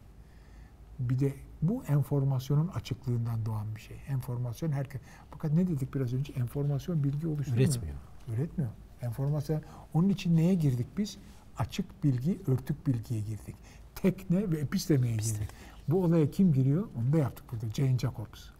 Bu iş şehirlerde olur kardeşim diyor. Öğrenme kolay bir olay değildir diyor. İnsanlar ilişki halinde öğrenir. Bu şekilde bu olaylar şehirlerde oluşur ve bu yerelden yavaş yavaş sen küresel üretim yapacak hale gelirsin diyor. Bu, bu da öbür tez. Burada Richard Florida vesaire buralarda işte öyle şehirler kuralım ki bu şehirlerde bütün yaratıcı emek bu şehirlere gelsin. Nasıl çekeriz? 3T teorisi burada işte talent, kabiliyet, teknoloji Gibi. ondan sonra buna benzer e, e, tolerans tamam bu, bu özellikler kültürel farklılıkları e, kullanarak buralara yapalım diyor. Ama bir de bakıyorsun yaratıcılık yükseliyor ama eşitlik, Eşitsizlik düşüyor. eşitsizlik. Araştırmalara göre. eşitlik. Yani e, bu çözüm getirmiyor. Öbür takım var. İkinci takım. Bunlar yumuşatılmış Marx yahut ben buna Keynes çözümü diyorum. O da şu demek. Ya Keynes ne diyordu? Keynes şunu diyordu 1929 bunalımında. Keynes'in dediği şey bir olaydı. Ya kapitalizm çöküyor gibi gözüküyorsa da eğer bir tıkanıklığa girdiyse bir işsizlik sorunu varsa ki ilk bu olaya teknolojik işsizliğe değinen adam da Keynes'tir. İşsizlik varsa devlet bir iş oluştursun. Müdahale eder. Devlet şöyle yapsın. Şuradaki yolu kazın lan desin adamlara tamam mı? Onlar kazsın. Ondan sonra kazdığınız toprakları geri koyun desin ve ona ücret versin. Onlar o ücreti aldıkları vakit onu sarf etmeye başlayacaklar. Bu ekonomiyi canlandıracak. Bunun adı çarpan olayı. Yani sen devletin verdiği parayla insanları ekonomik olarak daha aktif hale getiriyorsun. Senin kurduğun ilk başta işe yaramaz gibi görünen şirket ekonominin diğer alanlardaki üretimi ve e, istihdamı Bir belediyenin besliyor. her sene kaldırım yapması gibi. Aynen öyle. Aynen, o Ve tam- Amerika'nın şehirleri bombalaması ama gibi bu yani. tamamen Keynes doğru. Harpten sonra onun için ekonomiler gelişiyor. Tamamen bu Keynes anlayışıyla yani mahvolmuş bir olay yeni baştan yapmak olduğu vakit ekonomi. Ama mesele şurada. Eskisi gibi gitmiyor. Niye gitmiyor? Çünkü sen eee, talep çoğaldığı vakit aynı iş gücüyle sayı olarak aynı, nitelik olarak daha yüksek iş gücüyle bu işi hallediyorsun. Yani daha fazla bir istihdam oluşturması olayı çok kuşkulu. Çok şehir yıkman lazım. Çok ayrıca ayrıca sen diyorsun ki ya bunlar üretken olması yeni şirketler kuralım. Üretken olmasa da e, nereden buna maaş vereceksin? E vergiler alalım. Üretken olanlardan vergileri alacaksın. Üretken olmayan şirketlerde belki iyi işler yapacaklar. Karşıya geçecek yaşlara yardım edecekler. Hizmet sektöründe kıyamet gibi iş oluştur sen buna göre. Bu şekilde kimse işsiz kalmasın. Bunun en radikal bir şey hiçbir şey yapmadan da sana ne diyor Andrew Yang? Bütün Amerikalı vatandaşlara ayda bin dolar vereceğim Verelim. diyor. Başkanlığa adaylığını koydu Andrew Yang. Ve bu Amerika'ya kaç? Bir nokta şu kadar trilyon dolara mal, mal olacak ama önemi yok. Bu çok önemlidir diyor Andrew Yang. Bunun en radikal hali. Söyleyen. Öbürleri de diyen diğer diyenler de mesela işte e, Jeremy Rifkin var. Ondan sonra e, Martin Ford var. Ondan sonra Robert Wright. Bunların hepsinin kafaların arkasında açıkça söylemedikleri ama söylemek istedikleri şey vergilendirerek bu vergilerden insanlara yeni istihdam alanları yaratalım. Üretken olmasa, ticari değer yaratamasa bile bunlar bunlar devam etsin ki ekonomi canlansın diyorlar. Ama toplumsal kargaşayı da önleyecek bir şey Şimdi bu program. tabii anladım bu çok güzel. Peki bu paraları nereden bulacağım? Bu vergileri alacağım. Bu vergileri alacağım vakit şirketler ne yapıyor? Biraz önce söyledik. Başka yere gidiyor. Yani bunu senin e, ne dedik biraz önce? Florida'nın kitabı ne diyordu? The Flight şeyin firarı. E, yaratıcı emeğin Firarı. sınıfın firarı diye kitabı vardı. Flight of the Creative Class. Diyor bunun şey. Başka yere gidiyor. Ha senin bunu uygulayabilmek Tüm için ülkeler birleşse Birleşmiş Milletler işte bütün mesele burada. Bu nedenle çevre sorunları çözülemiyor. Çünkü bir- Olmuyor. bütün bir dünya hükümeti yok. Uluslararası hukuk bir şaka. hikaye. Tam bir hikaye. Böyle bir şey yok. E, uluslararası hukukun olmayacağı şey, durumda hiçbir zorlayıcı bir şey yok. Hiçbir uluslararası hükümet yok. Böyle bir şeyi e, vergilerle zorlayarak yaşatabilmek çok zor. Keşke böyle bir şey. Ama bütün insanlığın yavaş yavaş bir ahlak anlayışı buraya doğru dönüşürse o zaman belki bir çözüm. Böyle dipten- dönüşür mü? dipten bir şey Dönüşmez mi? Bilmiyorum. Buna soru soranlar, bizi şey yapanlar buna karar verecek. Ama ben bunun nasıl olacağını bilmiyorum. Evet. Lütfen bize de katılın. Ee, seyreden, izleyen ee, arkadaşlar soru sorabilirsiniz. İtiraz edebilirsiniz. Katkılarda bulunabilirsiniz. Emeritus Profesör Doktor Kemal İnan hocamla e, Bilgiye Yolculuk programımızın final bölümündeyiz. Bekliyoruz. Evet hocam geçelim mi yavaş yavaş? Geçelim şimdi. Ben şunla başlayacağım. Çok güzel, hoşuma giden bir alıntı olduğu için bu. Tamam. Şimdi şöyle bir laf yazmış buraya. Aynı okuyorum. Gelecekte adil bir toplumu hedefleyen ütopik bir vizyon. Bir vizyon oluşturacaksın gelecek için. Tamam mı? Ve bu bir adil toplum olacak. Ütopik vizyon. Adaletin temel ilkeleri ışığında toplumun somut yeteneklerini ve kısıtlarını göz önüne almalıdır. Yani sen bunu sağlayabiliyor musun? Sağlay. Bu toplumla sen bu adalet ilkelerini şeye hayata geçirebiliyor musun? Geçiremiyor musun?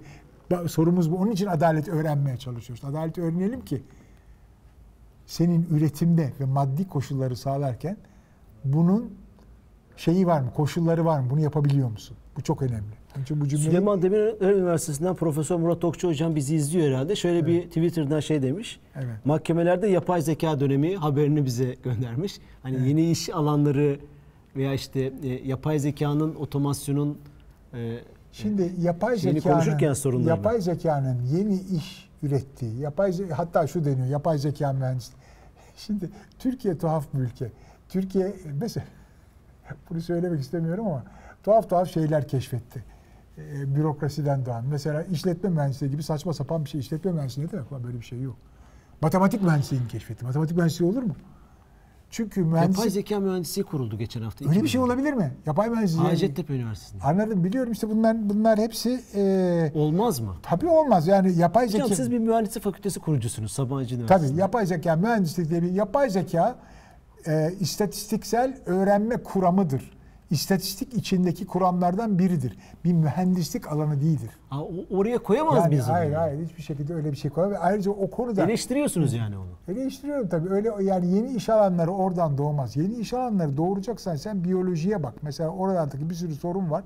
Oralarda yeni iş alanları olabilir ama bunların çok büyük bir kısmı büyük ölçüde yapay zeka ve otomasyon kullanıyor. Yapay zeka kullanılan bir şeydir. Tamam mı? Çok daha çok kullanılan bir şeydir. Yani orada da yeni Bir teknikler oluşuyor. uygulamadır. Uygulamadır ama kullanılan bir uygulama. Yani onun uygulaması çok önemli. Dikkat ederseniz yapay zekada ne yapılıyor? Sen bana şeyini ver diyor adam. Verilerini ver. Yukarıda bulutta benim her şeyim var tırık diye ona bakıyorum. Ben yapay zekayı kullanıyorum. Büyük şirketler bunu yapıyor. Nedir o serverlar? Tamam mı? Orada hazır var. Hatta sana bazen söylüyor, bazen söylemiyor. Kaç tane e, nöral ağdan, e, onun eni ne, boyu ne onları sana söylemeden bile bunu yapıyor. Sen de ona ve- ve- verileri vermek gibi bir saflık yapıyorsan ona göre yapıyor. Ama İstemesek bence burada olmaz. veriye hakim olmanın da çok büyük Harari'nin dediği gibi fazla bir önemi yok. Bu veri tekelinin ömrü çok uzun olmaz. Öyle mi? Tabii olmaz. Olmaz. Biraz sonra ülkeler uyanır buna. Ondan E, sonra senin elindeki verileri ama, ama ne almış olacak? Senin o verilerin biraz sonra biter. İnsanlar ölüyor. Sen öldükten sonra ya senin e, 10 yıl sonraki senin verilerin, şimdiki verilerin 10 yıl sonraki verilerin her dakika sana erişemez. Sen biraz uyandıktan sonra senin e, yeni karının Uzun adını, vadeli diyorsunuz. Senin yeni karının adını vermesin ona tamam mı? Başka birine evlendik. Söz gelimi söylüyor. Tamam. Ya yeni işin adını söylemesi ya neyse. Yani çok önemli değil bu olay. Yani oradaki o veriler doğru verilerle insanlar çok daha hassas tahminlerde bulunabilir. Ama o veriler Seçimlere müdahale etmiş adam olabilir. verilerle. Ama siyaset dünyası ne kadar hızlı değiştiğini bir düşünsene. Yani o veriler senin elinde olan şu anda olan veriler bundan 5 sene sonra ne kadar geçerli? Çok az geçerli. Siyasete mücadele müdahale etmiş. Etmiş. Zaten o o zaten şimdiye kadar hep bilinen bir şey. Her dakika müdahale ediliyor. Yeni bir şey yok orada. Yani orada orada çok fantastik laflar söyleniyor. Yeni bir şeyler var vesaire diye. Ben o o yapay zeka meselesine çok fazla bir şey e, prim vermenin doğru olduğuna inanmayanlardanım. Yapay zeka meselesinde. Ama yeni mühendislik alanlarına baktığım vakit e, daha çok yeni teknolojiler, malzeme bilimlerindeki yeni teknolojiler, ondan sonra Biyoloji. biyoloji, çok önemli. Sentetik, Genetik sentetik biyoloji meselesi çok önemli. Genetik. Sen hem sağlık alanında Bir hem birçok alan- tabii. O, o anda bunların hepsi ve bunların hepsi yapay zeka kullanır. Bunların hepsi çok ciddi otomasyon kullanan yeni alanlar. Bu, ayrıca yeni mühendisliklerden çok şu oluşuyor. Oluşan şu. Biliyorsunuz mühendisliklerin hepsi ki bir takım doğa yasalarının bir kısmını kullanır. Makinenin kullandığı doğa yasaları vardır. Elektriğin kullandığı doğa yasaları vardır.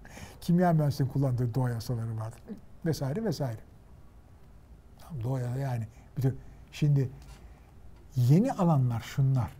Eski alanların birleşmesinden doğan Mekatronik diye bir laf çıktı. Ne demek bu? Demek ki anlıyoruz ya makine mühendisliği ile elektronik mühendisliğin arasında bir alan var ki ikisini beraber düşünmek lazım. Mekatronik. Yeni bir alan mı? Yok. Makine mühendisliğinin küçülme teknolojileriyle yüz yüze geldiği bir alan. Ve robotik teknolojilerle. Robotikte ikisi işbirliği yapacak. Yani farklı alanların yan yana geldiği alan. En dramatik burada hangisi? Biyoloji. Biyoloji matematikle, bilgisayarla, ondan sonra e, istatistikle, bütün bu alanlarla iç içe bir anda giriverdi. Bir anda giriverdi. Antropoloji de değil. Antropoloji de olabilir ama asıl bunlarla iç içe girdi. Tıpla da girdi tabii ama yani tıp zaten biyolojiyle tıp aynı şey. Tıpın başka bir şey yok ki. Biyoloji var. Or yani işin bilimsel şeyi zaten sadece biyoloji. Yani tıp yeni bir şey. Tıp e, biyolojinin insan e, daha çok insanı merkeze alan e, bir craftsman, bir zanaatı, bir bir bir e, insanları iyileştirmeye yönelik pragmatik bir alanı tıp bu. Biyoloji. Yani o işin işi altında yatan e, bilimsel temel biyoloji. Tıpta olan biyoloji temel, biyoloji. Ama asıl bakarsan şeydeki biyolojideki e, değişim mikroelektroniği yani bütün bu alanlarla Tahta oturan biyoloji yani artık. Şimdi biyoloji onu da daha önce söyledim. Tekrar edeyim orada. Tahta niye biyoloji oturuyor? Çünkü ilk defa olarak fizik kullan tabii biyoloji fizik kullanıyor. Hepsinin altında fizik ol bu doğru laf. Ama orada doğru olmayan bir tek şu var. Biz insan olarak neleri bilebiliriz? Bizim sınırlarımız nedir? Bizim ürettiğimiz bilgi güvenilir mi? Canlılar dünyasının en gelişkin türüyüz biz. Biz nereye kadar kendimizin ürettiği bilgiye güvenebiliriz? Bunu bilmiyoruz sanırım. Bunu bilmiyoruz. Biyoloji bunu Biyoloji bu konuda da bize fikir sahibi yapabilir. Burada da nereye kadar gideceğimiz konusunda bizi fikir sahibi yapabilir. Onun için fizik o bakımdan kendine kördü. Fizik bilgisini üreten insanların özelliklerine bakmadan sadece o bilgilere bakıyordu. Anlatabildim mi ne dediğimi? Bu nerede çıktı şimdi mesela? En son benim şeyde okuduğum güzel bir makalede. bir makale vardı. Ee, Economist'in teknoloji ekinde sentetik biyoloji ile ilgili. Tersten mühendislik diyoruz değil mi? Ben bunu hep şey örneğini veriyorum. Hep aynı örneği vere vere yoruldum ama Rus uçağı düştü. Amerikalılar gitti baktı. Uçağın bütün ayrıntılarını çözdü ve bu uçağın baştan nasıl tasarımlandığını ve üretildiğini çıkarmaya çalıştı. Sondan başa adı- gitmek. Sondan başa. Bunun adı tersten mühendisliktir. Şu anda insanların yaptığı bilimsel çalışmaların çoğu biyolojiden tersten mühendislik yapmak. Yani doğanın yaptığı şeyi nasıl yapmış, nasıl tasarlamış ama insan yok bunun arkasında. Ne var? Evrim var. Doğa bunu nasıl yapmış? Çok güzel anlatıyor o yazıda. Evrim diyor insanların anlamasına göre oluşmuş bir olay değildir diyor. Anlamak çok zor. Ne dedim ben? Yapay zekanın en büyük özelliklerinden biri anlamadan öğrenmek. Ne olduğunu anlamıyorsun ama onun altında yatan kuralları ve deseni çıkarabiliyorsun belki. E, Desenden kasıt ne? Patern. E, pattern. Tamam mı? Pattern. Onu çıkarabiliyorsun. Ama bunun niye olduğunu anlamıyorsun. Bir oyun oynuyorsun. İnsanların bu oyunu oynadığına bakıyorsun, bakıyorsun, bakıyorsun. Belli bir yerde bir hamleni yapmanı, oyunu niye kazandırdığını sen anlamıyorsun belki o stratejiyi. Belki ileride anlayacaksın. Orada çok iddialı konuşmayalım ama. Ben derken yapay zeka Yapay zeka anlamıyor. Yapay zeka anlaması dertli. Yapay zeka anlama diye bir derdi yok zaten. Yapay zeka sadece orada kuralları çıkarıyor.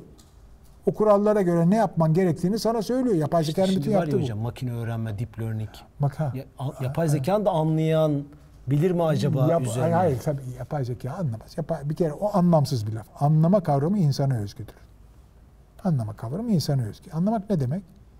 Sendeki bilgilerle, senin varlığında olan bilgilerle önüne gelen bilgiler arasındaki ilişkiyi kurman. Sendeki bilgilerle bu bilgiler arasındaki ilişkiyi kurman ki onu bir yere oturtabilmen. Anlamak bu demek. Yapay zeka bir şey anlamaz ki. Yapay zeka bakar, ampirik bilgileri alır, deneysel bilgileri. Ona göre senin kuralının o soruya verilecek cevapta kuralının ne olduğunu oradan çıkarmaya çalışır o verilerle, çok sayıda veriyle. Yaptığı bu. Şimdi bunu uyguladığım vakit sentetik biyolojiye evrimin nasıl protein yaptığına bakıyorsun. Farklı proteinleri yapmak için buna benzer bu e, neler yapman gerektiğini buradan çıkarma. Yapay zekanın yaptığı şey bu. Otomasyon burada giriyor. Anladın mı? Şey bu. Yani e, adalete daha girmedik ama birazdan ona da girelim. Yapay zekanın yaptığı şey bu. E, Geçebiliriz hocam bence. geçebiliriz. Yani Adalet evet, konusuna. evet. Adalet konusuna geçelim. Şimdi burada şöyle bir şey yazmışım ben. Amartya Sen değil çok meşhur bir iktisatçı var. Nobel almış. Hint- Hintli iktisatçı. Benim çok sevdiğim bir iktisatçıdır. Bu şey konusunu e, kıtlık ve açlık konusunun bir e, e, üretim eksikliğinden değil tamamen ekonomideki gelir dağılımı e, aksamasından doğan bir olay olduğunu ortaya koyan adamdır ki bu çok önemli bir şey Hindistan bağlamında. Neyse bu yani adamın önemi. Sonunda Nobel almış bir adam çok önemli, saygı duyulacak bir adam. Diyor ki şöyle bir şey, kitabından yeni bir kitabı var. The Idea of Justice. Ben bunu Türkçe'ye adalet kavramı diye çevirebilirim. The Idea of Justice diye bir kitabı var. Şöyle bir lafı var, benim çok hoşuma gidiyor bu laf. Herkes bu lafı bir düşünsün kafasında. Bazen adaletin hiç mi hiçbir akıl yürütme meselesi olmadığı ve adaletsizliği anında koklama yeteneğine sahip bir burundan ibaret olduğu ifade edilir. Yani adaletsizi Hemen anlıyoruz. hemen anlıyorsun. Kok, burada bir bit yeniği var diyorsun. Çok iyi. Burada ağabeye kazık atıyor diyorsun. Hemen görüyorsun bunu tamam mı? Bak olumsuzdan gidiyorum. Dikkatini çekersen. Adalet öyle değil ama. Ada, adaletten değil, adaletsizliği görüyorsun orada. Ulan haksızlık var burada diyorsun. Evet, evet. Bu insana bir haksızlık edildi. Bunlara bir haksızlık edildi diyorsun. Çok güzel bir laf. Ben bu lafa bayılıyorum. Yani tersten gider, adaletsizlikten giderek adaleti çıkarmaya çalışan bir kavram. Bu çok güzel bir kavram. Şimdi Bir daha kim hocam onu bir daha tekrar edebilir miyiz? Amartya Sen. Sen, S-E-N. Müthiş. Tavsiye ediyoruz herkese. Amartya Sen'in çeşitli kitapları var. Şimdi şeye girersek, adalet kuramlarına girersek Sanders diye bir adam var Harvard'da İyi galiba. yayınlar Onun- dileyenler var hocam. Ebu Bekir Aydoğdu, Ömer Durmaz, Öyle mi? Hakan Demirci. Onları da Teşekkür buradan ederim. söylemiş Tamam, olalım. Güzel. İyi yayınlar diliyorlar. Evet yani Güzel, teşekkür ederim. dikkatle takip Dikkat ediyoruz. ediyor. Tamam güzel. Peki. Şimdi e, bu da güzel bir ayrım yapmış. Sanders diye bir adam. Bu şeyde bir hoca. Benim hoşuma giden bir adam. Harvard'da bir hoca. Adalet konusunda bir ayrım yapmış. İki ayrı şeye ayırmış. E, adalet kuramlarını. İki ayrı e, yaklaşıma ayırmış. Bir tanesinde örnek isimlerle. Bir tanesinde Aristo ve Marx var. Öbüründe Kant ve daha sonra onun yeni temsilcisi Rawls var. Rawls'a birazdan geleceğiz. A Theory of Justice, bir adalet Bir kuramı. adalet kuramı var. Kuramı adlı bir kitabı olan e, adam Rawls. Şimdi burada hangi soruya yanıt arıyoruz? Bilgi Şimdi toplumu. burada hayır, hayır hiç bilgi toplumu. Şimdi bilgi, bilgi so, so, aradığımız adalet kavramına bakıyoruz. Adalet nedir? Yani bu, bu kavramın e, şeyine bakın. Şimdi adaleti mesela önemli bir adalet kuramı buradan hemen gireyim aradan. Benim sevmediğim ama yani çaresiz göz önüne almamız lazım. Çünkü Anglo-Sakson dünyası bütün iktisat kuramı bunun üzerine kuruldur. Neoklasik iktisat. Onun adı utilitarianism ya faydacılık. Faydacı. Bu şekilde bu şekilde ya pragmatizm var, utilitarizm var. Pragmatizme de faydacılık diye belki farklı kelimeler, belki yanlış kelime kullanıyorum. Beni e, düzeltsinler kişiler. E, utilitarianism demek istiyorum. Faydacılık dedim buna. Pragmatizm değil. Buradaki faydacılık utilitarianism. Şimdi buradaki şey şu. Jeremy Bentham diyor ki bir tane bu 18. yüzyıldaki temsilcisi. 18-19'un başında ölmüş. Bir İngiliz tamam mı? Eee mutluluğun en çoklanması. Şimdi iktisat kuramlarında şöyle ben direkt iktisat kuramlarından gireyim. Bir anda şirketler var. Şirketler ne yapmaya çalışır? Malını satar ve karı maksimize etmeye çalışır. En çoklamaya Daha çalışır. çok satmaya çalışır Tamam. vesaire. Sen onu fiyatı istediğin gibi koyamazsın. Çünkü bir rekabetle karşı karşıyasındır ama sürekli sen nasıl davranırsın? Karını en çok şekilde, şekil, çoklayacak şekilde yapar. Bu üretim kısmı çok güzel. Gayet doğal olarak da matematiksel. Doğal olarak matematiksel olmayan öbür kısım. Peki tüketici ne yapar? Satış ve pazarlama kısmı o doğal olarak. Hayır. Bu satı yani burada e, şirketlerin karlarını en çoklaması anlaşılır bir olay, rasyonel bir olay. Diyor ki bu e, Bentham'ın yaklaşımına gidersen tüketiciler de kendi faydalarını maksimize eder. Senin bir fayda fonksiyonun var. Tamam mı? Sen A malını B malına tercih mi edersin? Hangi mala ne kadar para verirsin? Bunu bir fonksiyon olarak ifade ediyor. Böyle fonksiyonun var mı senin? Yok. Var diyor. Her rasyonel varlık bunu eee, bu şekilde. Kriterlerim var. Kaliteli. Yani olsun. de şimdi Bentham'ın dediğine dönelim tekrar. Bu iktisatçıların bu bana ilkel gözüken şeyine fazla demeyelim. E, ahlakın en üst ilkesi mutluluğun en- çoklanmasıdır diyor. Mutluluk ölçün diyor. Bentham'ın dediği. Ve ona göre sen sürekli zevkini en çoklamaya çalışırsın diyor. Ve burada çoğunluğun bunu yapmasını da bir ölçüt olarak koyuyor. Çoğunluğun zevki neyse onu koyuyorsun. Tamam mı? Mesela eski Roma'da bakarsan aslanların önünde esirlerin parçalanması bir zevk veriyorsa sana bu çok güzel gidiyor. Anlamına da gelebilir. Anlatabildim mi ne demek istediğim? Böyle eleştirilir zaten bu. Bu tamamen her şeyi zevk ve acı üzerinde temellendiren. Bu Faydacılık. ha, bu işi tamir eden adam John Stuart Mill. Özgürlüğün babası olarak tanınır Anglo-Sakson dünyasında. Özgürlük kavramının en önemli savunucularından biri. John Stuart Mill tanımlanır. Bu adam da 19'un içinde yani 19'un başından sonuna kadar yani daha geç yaşamış bir adam. Çok tanınmış bir adamdır. O buna şunu katıyor. Buraya her zevki katmayın. Bu işi dejenere etmeyin diyor. E, hatta şöyle bir şey diyor. E, yüksek düzeyde zevklerimizin yüksekliği bizim tercihimizin sonucu olmayıp tam tersine tercihimiz söz konusu zevkin düzeyindeki yükseklikten kaynaklanır. Onun için bizim kendi zevkimiz meselesi değil, o zevki ahlak ilkeleriyle bağdaştırmamız lazım diyor. Anlatabildim mi? Çok önemli bir şey diyor. Şimdi ama süper olmayan iki tane karakter söyleyelim. Nozick ve Friedman. Libertarianizm. Bunlar şunu diyor. Bunlar hep adalet kavramı içinde ve Batı dünyası bak ne diyorum? Onun için İslam dünyasından çok farklı. Batı dünyasını çok etkilemiş adamlar bunlar. Libertarianizmde üç şeye hayır diye şimdi bu bu yaklaşımı diyorum. Libertarian Türkçesini bilmiyorum. Libertarianizm. Yani özgürcülük ama şimdi özgürcülüğün ne olduğunu birazdan göreceksiniz. Liberallik değil değil mi hocam? Ha, e, işte belki öyle de çevirebilirsiniz. Liberaller var ya şimdi. Anladım tabii yani liberal ama libertar ama bunu bir ideoloji haline getirdiğin vakit ne oluyor ona bakalım. Peder şahiliğe hayır. Paternalism. Ben Türkçe'ye çevirmem. Bu peder şahilik. Yani se- o şu demek. Yani senin aynı baban gibi sana ne yapacağını kimse dikte edemez. Devlet sana diyor ki sen şöyle yaşayacaksın, şunu yapacaksın, bunu yapacaksın. Hadi lan ben istediğimi yaparım diyorsun. Yani öyle bir tepeden inme adamlara ahlak mahlak öyle şey, böyle şey hayır diyor. Ahlakın yasalaştırılmasına hayır diyor. Ben ahlaklı ahlaksız olmak benim bileceğim iştir. Sen bana karışma diyor. Yani tepeden inme bunu devlet devletin böyle bir şey yapmamasını istiyor.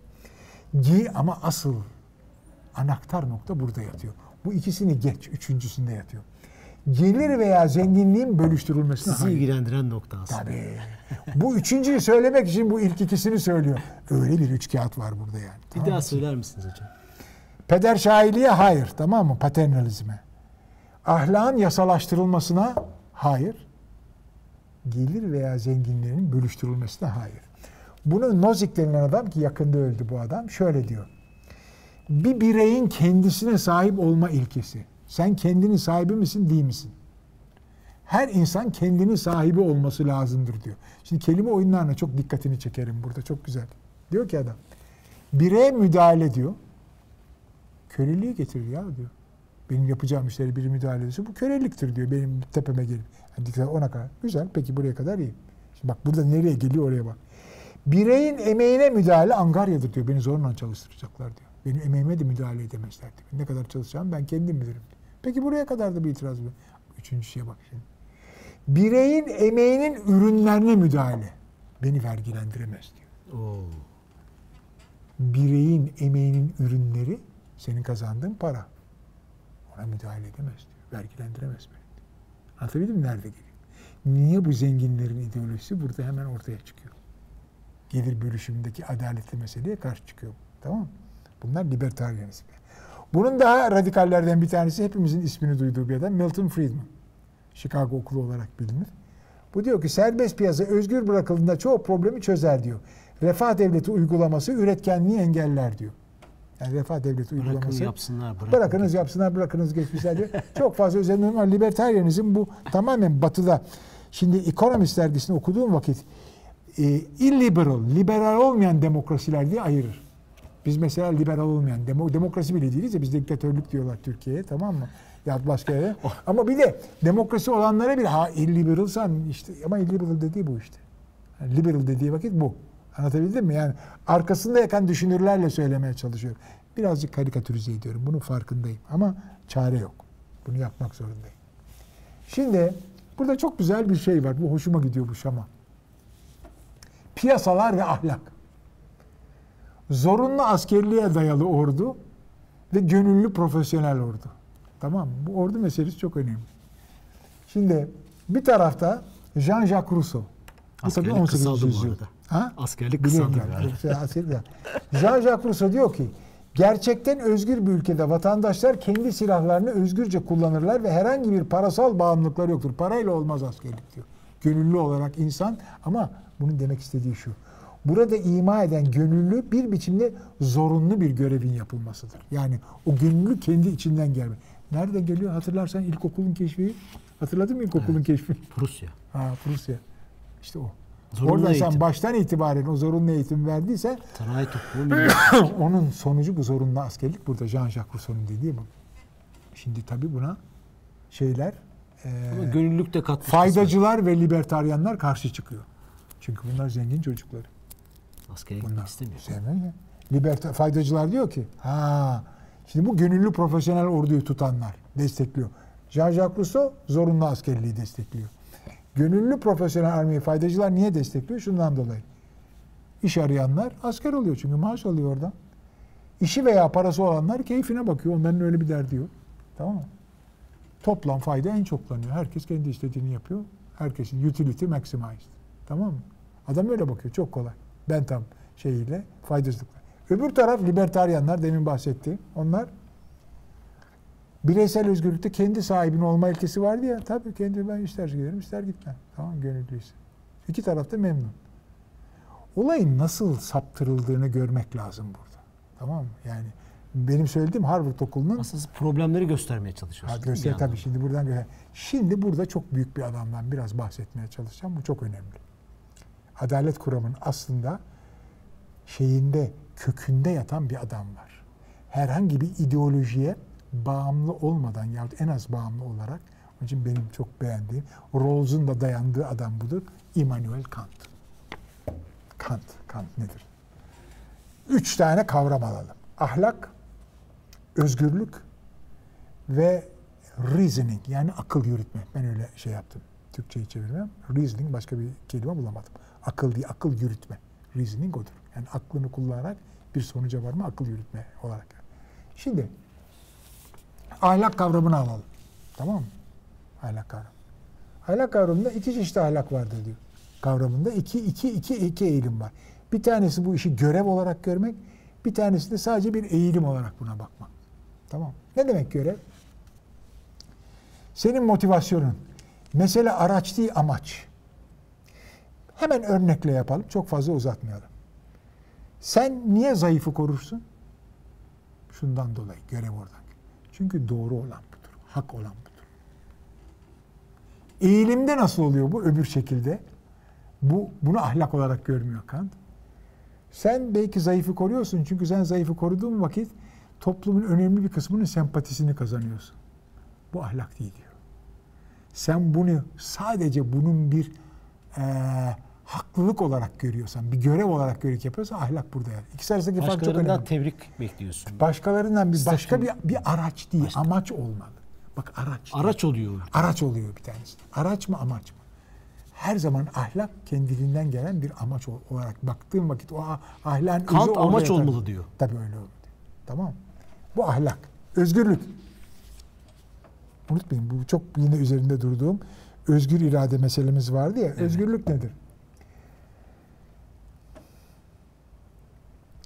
Şimdi bizim eylemlerimizde, o eylemlerimizin art, arkasında yatan gerçekten özgür irademiz, bu karara biz varmışsak, gerçek özgürlük budur diyor Kant. Bir de nasıl var? Heteronom dediği orada, yani boş ver kelimenin neyi kullandığı. Eylemler dış dünya deneylerimizden kaynaklanan ampirik duygular. Yani dış dünyaya bakıyoruz, oradaki duygularla, oradaki olaylarla etkileniyoruz. Ve onun sonucu kararlara varıyoruz ki çoğu zaman böyle bakıyor. E mesela e, sen bakıyorsun, e, söyle adını, e, e, ot direktörü öğrencilere haksızlık ettiği için biz madalyalarımızı onun elinden almayacak diyor benim şimdi mezun olduğum adamlar mesela tamam? Mesela söz gelimi söylüyorum. Buna benzer bir şey herhangi bir şey al. Tamam? Burada etkileniyorlar başka bir şeyden. Bir böyle bir karara varmak var. Bir de kendi özgür iradenle onu tartıyorsun, bakıyorsun. Ama tabii Etkileme birazdan söyleyeceğim. ama. Ama. etkilemeden olmaz. Herkes etkileniyor. Ben sadece ideallerini söylüyorum. Ka- Kant'ın yaptığı da bu. Biraz ütopik ama Gerçekten tabii ütopik tabii. Hepsi birincisi de öyle. Hepsinde dış dünyadan bir etkilenmem var. Sadece kavramları ayırıyor. Tamam. Burada kavramları ayırdığı vakit otonom yani kendi özgür iraden ve heteronom dış dünyadan etkilenerek o karara varmış olma. Gerçek özgürlük otonom olmasında yatıyor diyor. Üçüncü, akıl yürütme. Orada da kategorik ve hipotetik. Kategorik şu demek.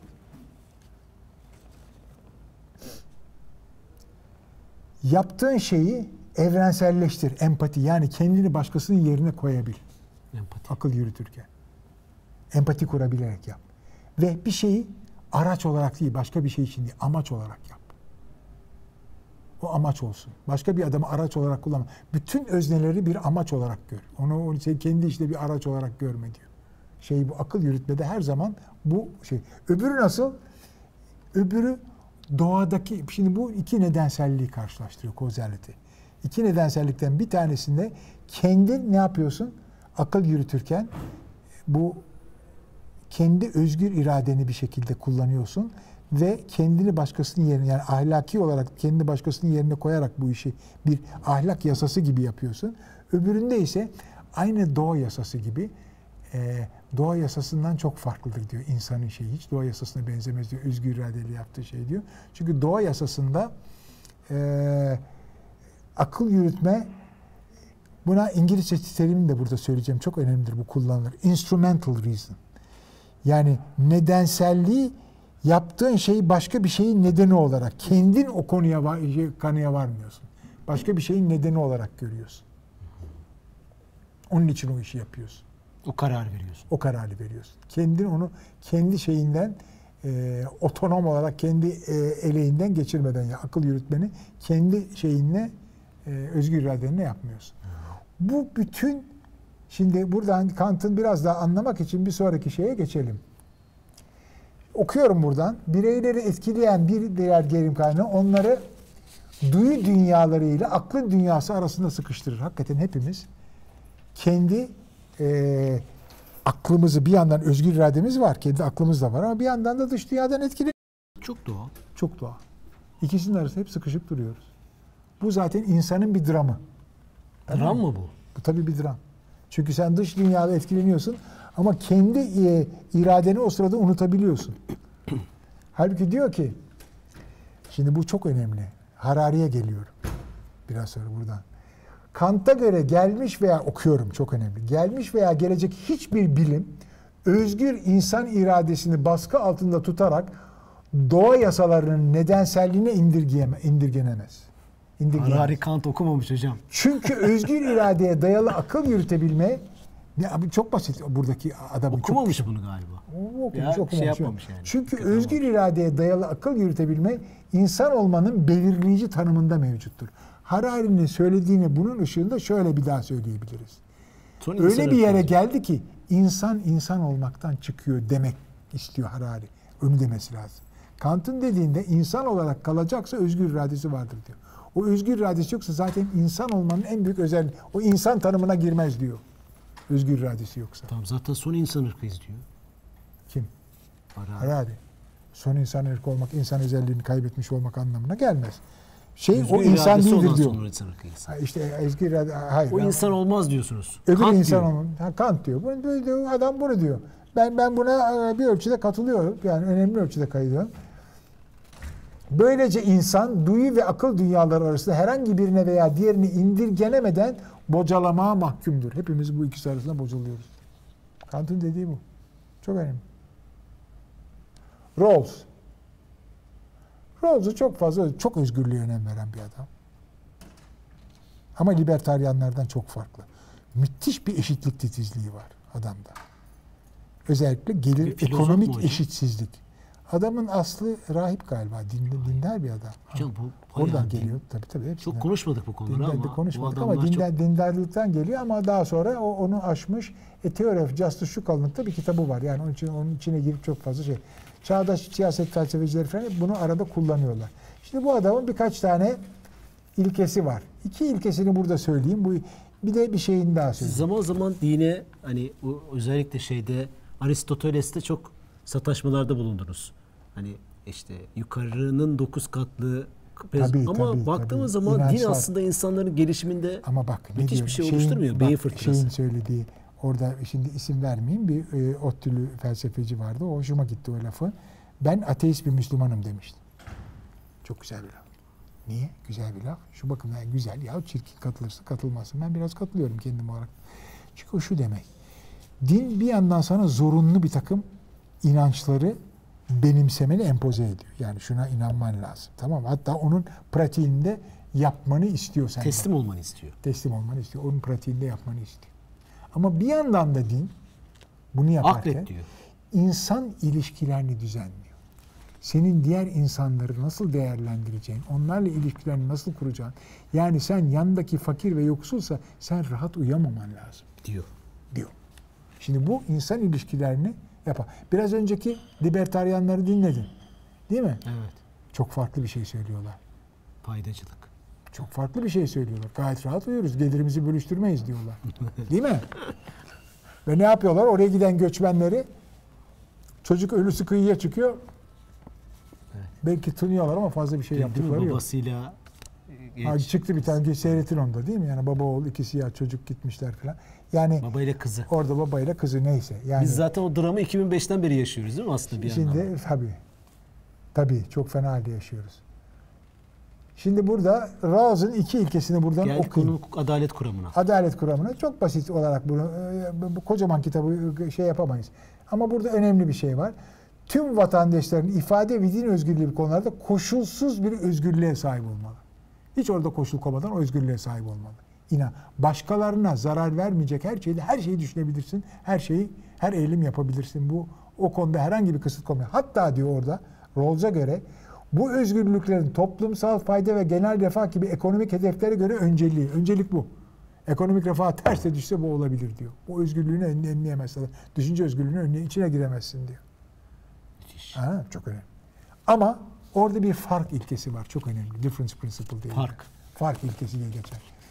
Ekonomik veya toplumsal eşitsizliğin meşru sayılması ancak bu eşitsizliklerin toplumun en alt ekonomik ve sosyal kesimlerinin çıkarına olduğu durumlarda kabul görebilir. Ben buna şey örneği veriyorum.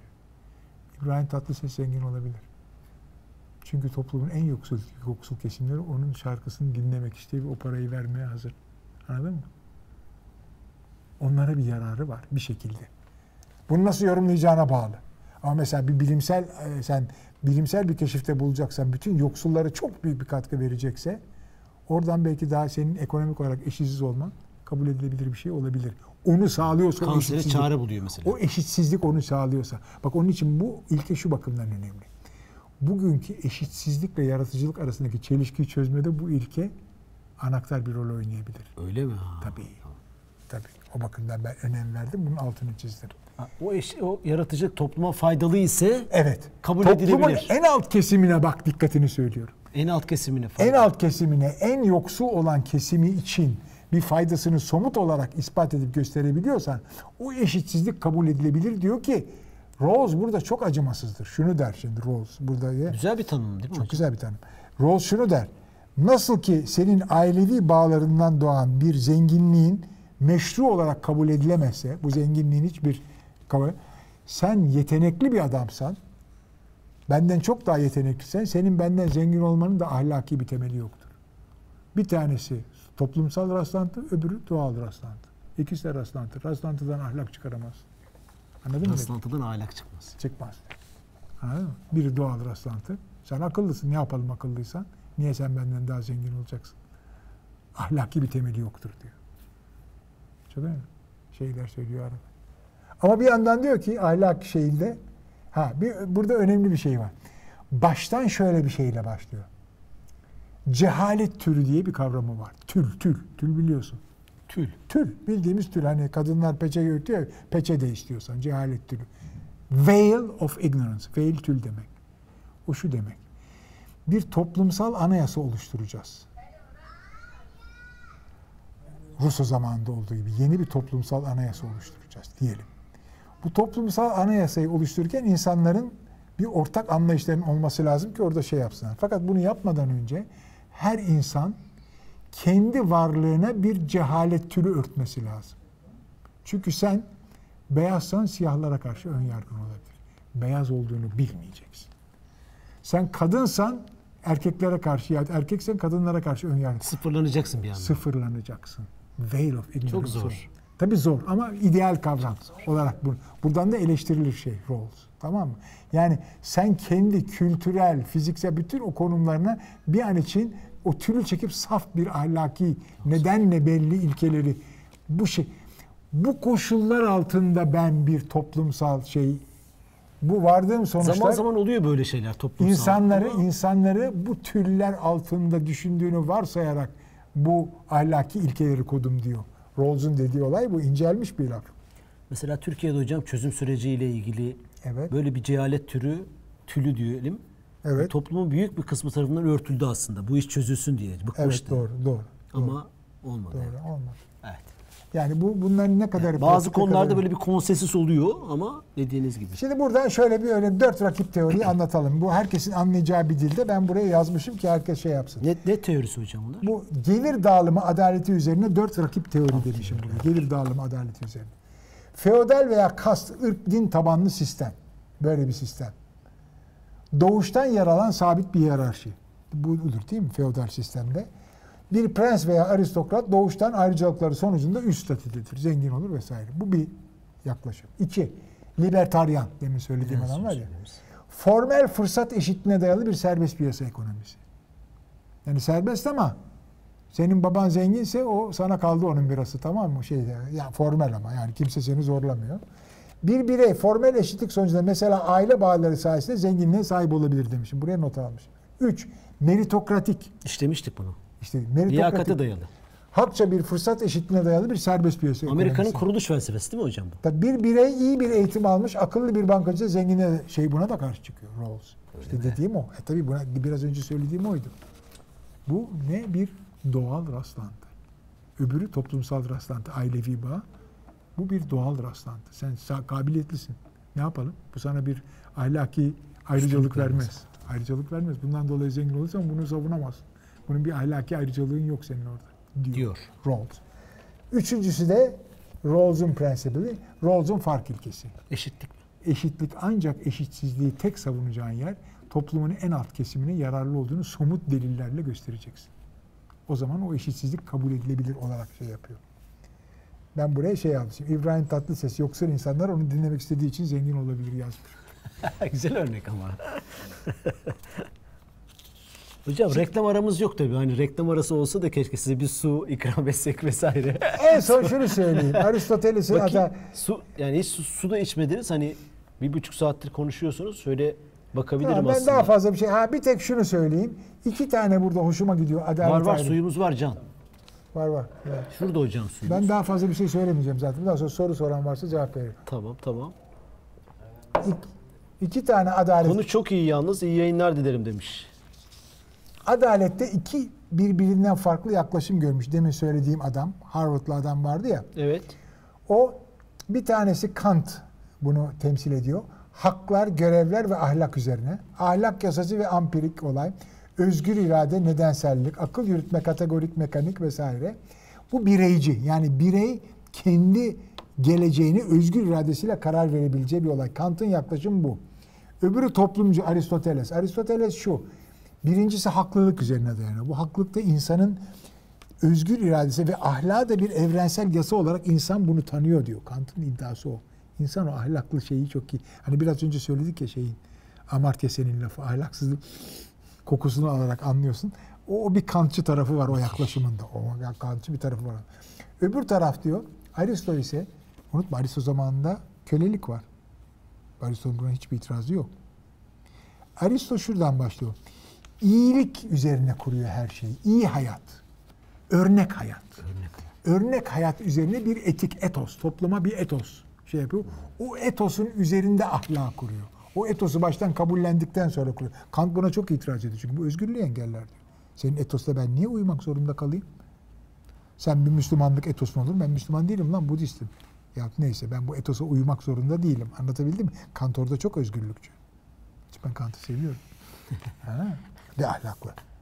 Çok önemli. Ve ben de ahlakın bir genetik boyutu olduğunu inananlardan olduğum için bunu diyorum. Ne demek hocam genetik? Kumaş muhabbeti mi? Hayır genetik şu demek. Hamur. İnsan insan olmanın bir özelliği. Yani bizim biyolojik bir özelliğimiz. Ahlaklı olmak değil. Ahlaklı olmak değil. Bak ne diyorum? Ahlaklı. Ahlaklıkla ahlaksızlığı ayırt edebilme yeteneğinden bahsediyorum. Demin şeyin söyledi. Hocam Amartya genetik senin işine gelince söyledi. DNA, babadan oğula. Hayır, yani genetik, Kumaş muhabbetine mi Hayır, gene- Geçen genetik- Atilla Yayla bir tweet genetik atmış. değil, biyolojik diyelim. Biyolojik diyelim. Diyor ki iyi kumaşı olanlar her zaman iyi oluyor. Böyle buna benzer bir şey. Birisi de altına yazmış kumaş ne? Yani hamur doğru. ne? O, da, o şöyle doğru değil. Yani Buraya mı giriyor? Gene, genetik, Genetik olarak deyince, biyoloji değiş- deyince- Biyo- biyoloji, biyoloji, biyoloji deyince insanın e, insan olmamızın özelliği ne? What? İnsan nedir? Yani bu sorunun cevabı çok karışık bir soru. İnsan bizim bütün insanların ortak bir tarafı var mı?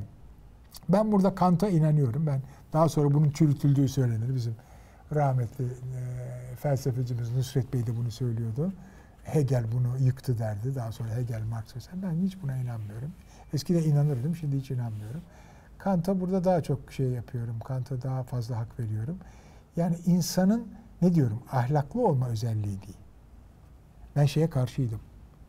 Ee, ders olarak e, ethics ve e, ahlak dersinin konmasına. Bir insana ahlak dersi konsa onu ahlaksızlığa daha güzel hazırlayabilirsin. Çünkü ahlak dersini iyi biliyorsa ahlaksızlığı çok daha iyi gizleyebilir.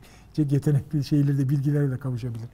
Onun için ahlaksızlık yani insandaki yetenek ahlakla ahlaksızlık arasındaki farkı anlama yeteneğidir. Onu öğretmeyle gelen bir şey olduğuna inanmıyorum. Hemen orada haks- gelir diyorsun. haksızlığı anlarsın. Örtük bilgi. Hak- haksızlığı hemen anlarsın. Örtük bilgiden öte bir şey olay bir sözde. Vicdan denilen Çok olay. güzel konular bunlar. Siz Onu anlarsın. Şeyci yani iki yaklaşım var. Haklılık ve iyilik üzerine dayanıyor. Marx ve Aristoteles iyilik üzerine dayanıyor. Toplumcu ya da cemaatçi diyelim bu şeyde. Bir topluma, ulusa veya ulusa veya ideolojiye yol gösterici inanç ve fikirler. Etos bu. Etos'un tanımını Etos. yaptım sana. Toplumcu, cemaatçi, aileye, cemaate ve ulusa sadakat getir, getiriyor. Ve buradaki bir sonraki şeyde demişim. Ee, ahlaki sorumluluk üç ilkesi. Dayanışma iyi bir özellik mi? Patriotizm, yurtsever iyi bir özellik mi? Dayanışma hem cinsimize dönük bir ön yargı mı? Filan gibi e, Sorularla sorgulanacak şeyler sorularla şey bitirmişim. Daha fazla söylemek istemiyorum ben. Yoruldum.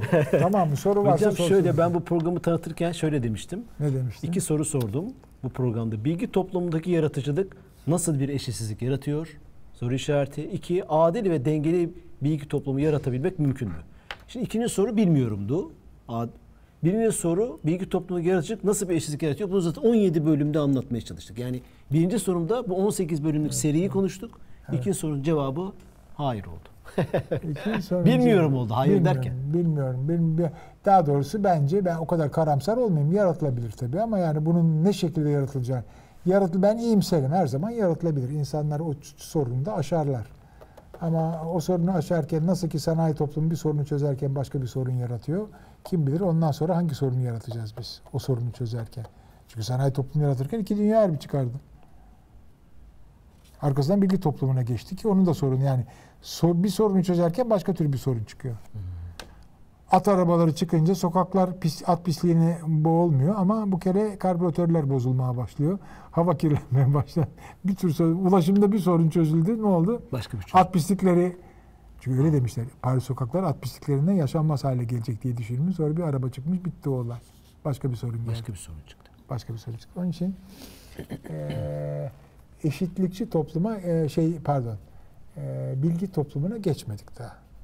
Ama bilgi toplumunun bütün koşulları burada. Bütün yarattığı bunalımlar burada. Eee, sanayi toplumu değil. Çünkü temel kontrat bozuluyor.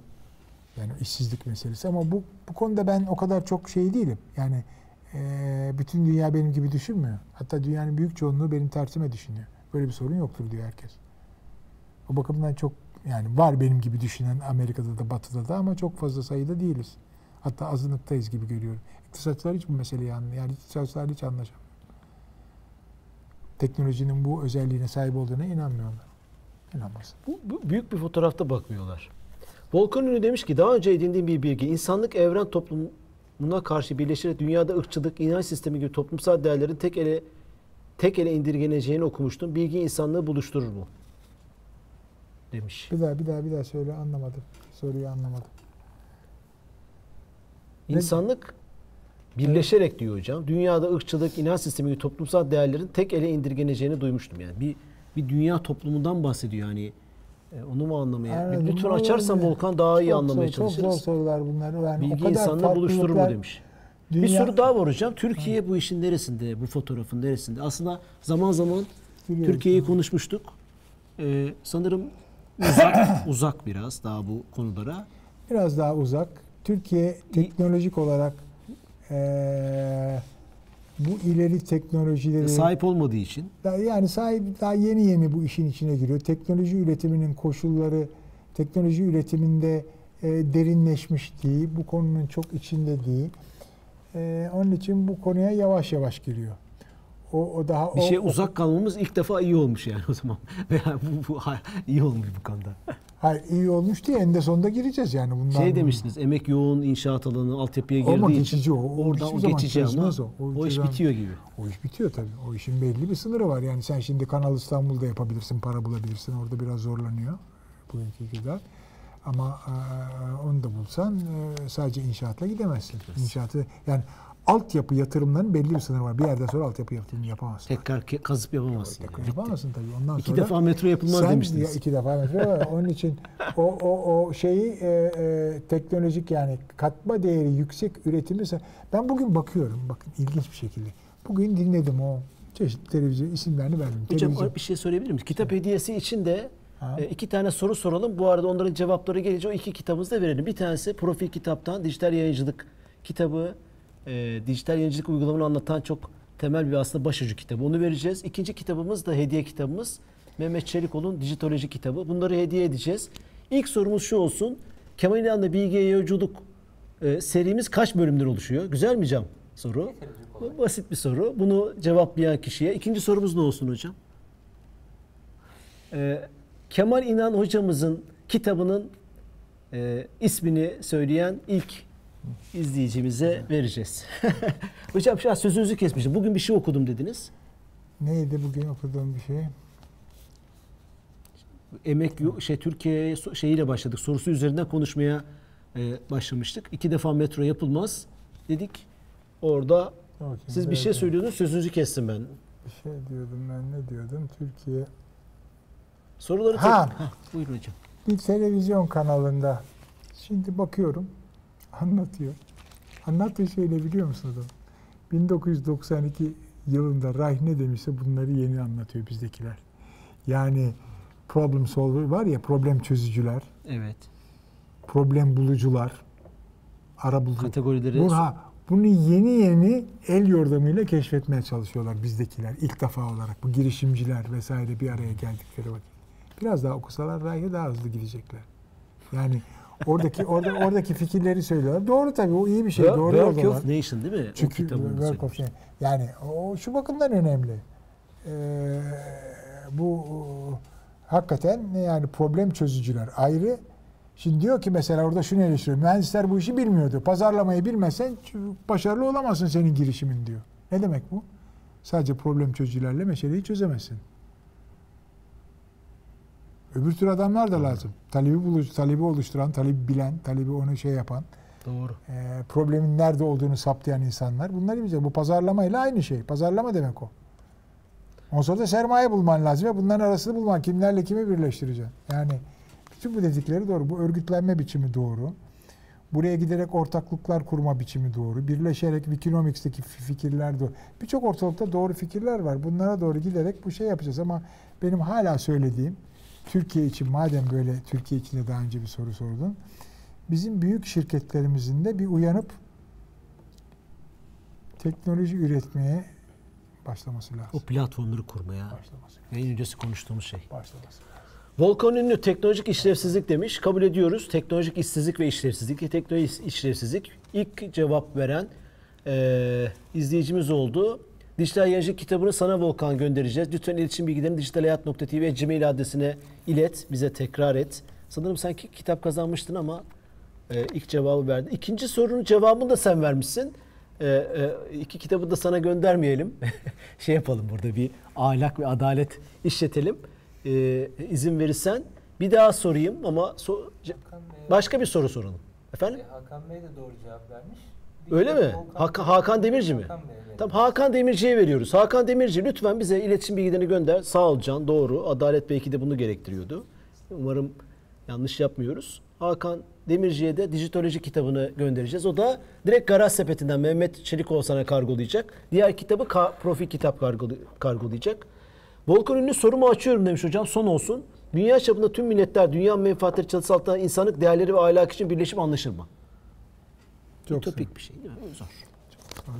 Yani böyle soruların cevabını böyle Şimdi Kyoto Anlaşması diye bir şey oldu değil mi? Amerika Kyoto. çıktı. Hı, evet. Sonra diğer ülkeler de itiraz Çevre ediyor. sorunları. Yani şimdi mesela bir konuda bile ana bir sorunda herkesin Tabii. mutabık kaldı. Onda bile birleşemiyoruz. Çünkü ulusları aşan bir bir yönetim gücü yok. Öyle bir güç yok. Öyle bir gücün olması çok zor. Ekonomik güç var. Ekonomik güç kendi başına politik bir güç oluşturuyor. Öyle politik güç yok. Seçtiğim bir dünya hükümeti yok. Bir uluslararası hukuk diye bir şey yok. Uluslar sıkıştıkları vakit kaba güce gidiyorlar. Kaba güç çok önemli. Burada onu çok iyi bilmek lazım. Ee, bir ülke içinde eğer zenginsen, paran varsa hukuk seni korur. Tamam mı? Başka bir şey gerekmez eğer düzen varsa o ülkede. Tamam mı? Hukuk diye bir düzen varsa, polisi varsa, asker şusu varsa varsa var. Ama uluslararası bir durumda sen kendini güçlü zannediyorsun değil mi? Çok paran var. Sen bir ülke olarak yatırım yapmışsın. Amerika'da, Avrupa'da çeşitli şeyler almışsın, hisseler almışsın, şunu yapmışsın, bunu yapmışsın. Bir anda seni soyarlar. Eğer askeri gücün yoksa. Kimi soydular en son? Suudi Arabistan. Ne yaptılar? 9-11 davalarını bir açmaya başladılar. Hizaya geldi Suudi Arabistan. Sıkıştırdılar. Ne yaptılar? İran'ın paralarını hop. Birisi sormuş Duydun? Huawei demiş. Huawei problemi de benzer. Huawei. Şimdi Huawei fazla bir şey yapamazlar çünkü Huawei'nin gücü var. Yani orada. Gelder'in güzel bir lafı vardı. Onu daha önceki bir söylentide söyledim. Gelder benim sevdiğim adam ya. E, You, you own what you own if you can defend it. Bir şeyin sahibi olmak için onu savunman gerekir. Kısacası bu. Savunabiliyorsan sahibisindir. Bu uluslararası düzeyde olacak bir laf. Çünkü uluslararası seni koruyacak başka bir hukuk yok. Kaba güç lazım onu savunman için. Savunamıyorsan yani askeri olarak bahsediyor tamam mı? Güçle. Ya salt güçle askeri olması gerekmiş. Şu veya bu şekilde bir gücün yoksa. O zaman o senin değildir. İstediğin kadar senin hisselerin olsun. Batıda şurada burada satın almış ol. Bir anda senin elinden alırlar onu. Evet. e, Volkan bana cep telefonunu e-mail atarsan seninle konuşalım. Çünkü kitap daha önce kitabı almadım demişsin. Bir problem var. Seni profil kitapta konuşturacağım. E, doğruyu bulacağız. Lütfen cep telefonunu bana at ben seni arayacağım. Teşekkür ederiz hocam. 18 haftadır beraberiz. Evet. Ayağınıza, emeğinize sağlık. Ben sizi çok kıymetli buluyorum. Şeref verdiniz. Bu, bu seriyi dijitalde bir arşiv olarak e, kayıtlara ederim. geçirdik. Hiç silinmeyecek. Tamam, Herkese elden güzel. ele ulaştırmaya da çalışacağız. Güzel. Teşekkür ederim. Ee, Türkiye için çok değerli birisiniz. Teşekkür ederim. Ee, lütfen sağlığınıza, kendinize iyi bakın. İyi bakın. Sizden çok istifade etmek istiyoruz. Teşekkür ederiz. Ben teşekkür ederim. Evet, e, Kemal İlhan'la Bilge'ye yolculuk serimizi final günüydü bugün. Bitirdik.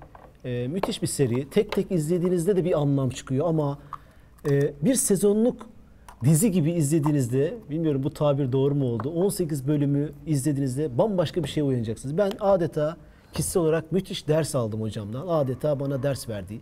Dersine katılmış gibi oldum. Ve bunu e, e, çok bana çok şey kattı. Size de aynı şeyi katacak.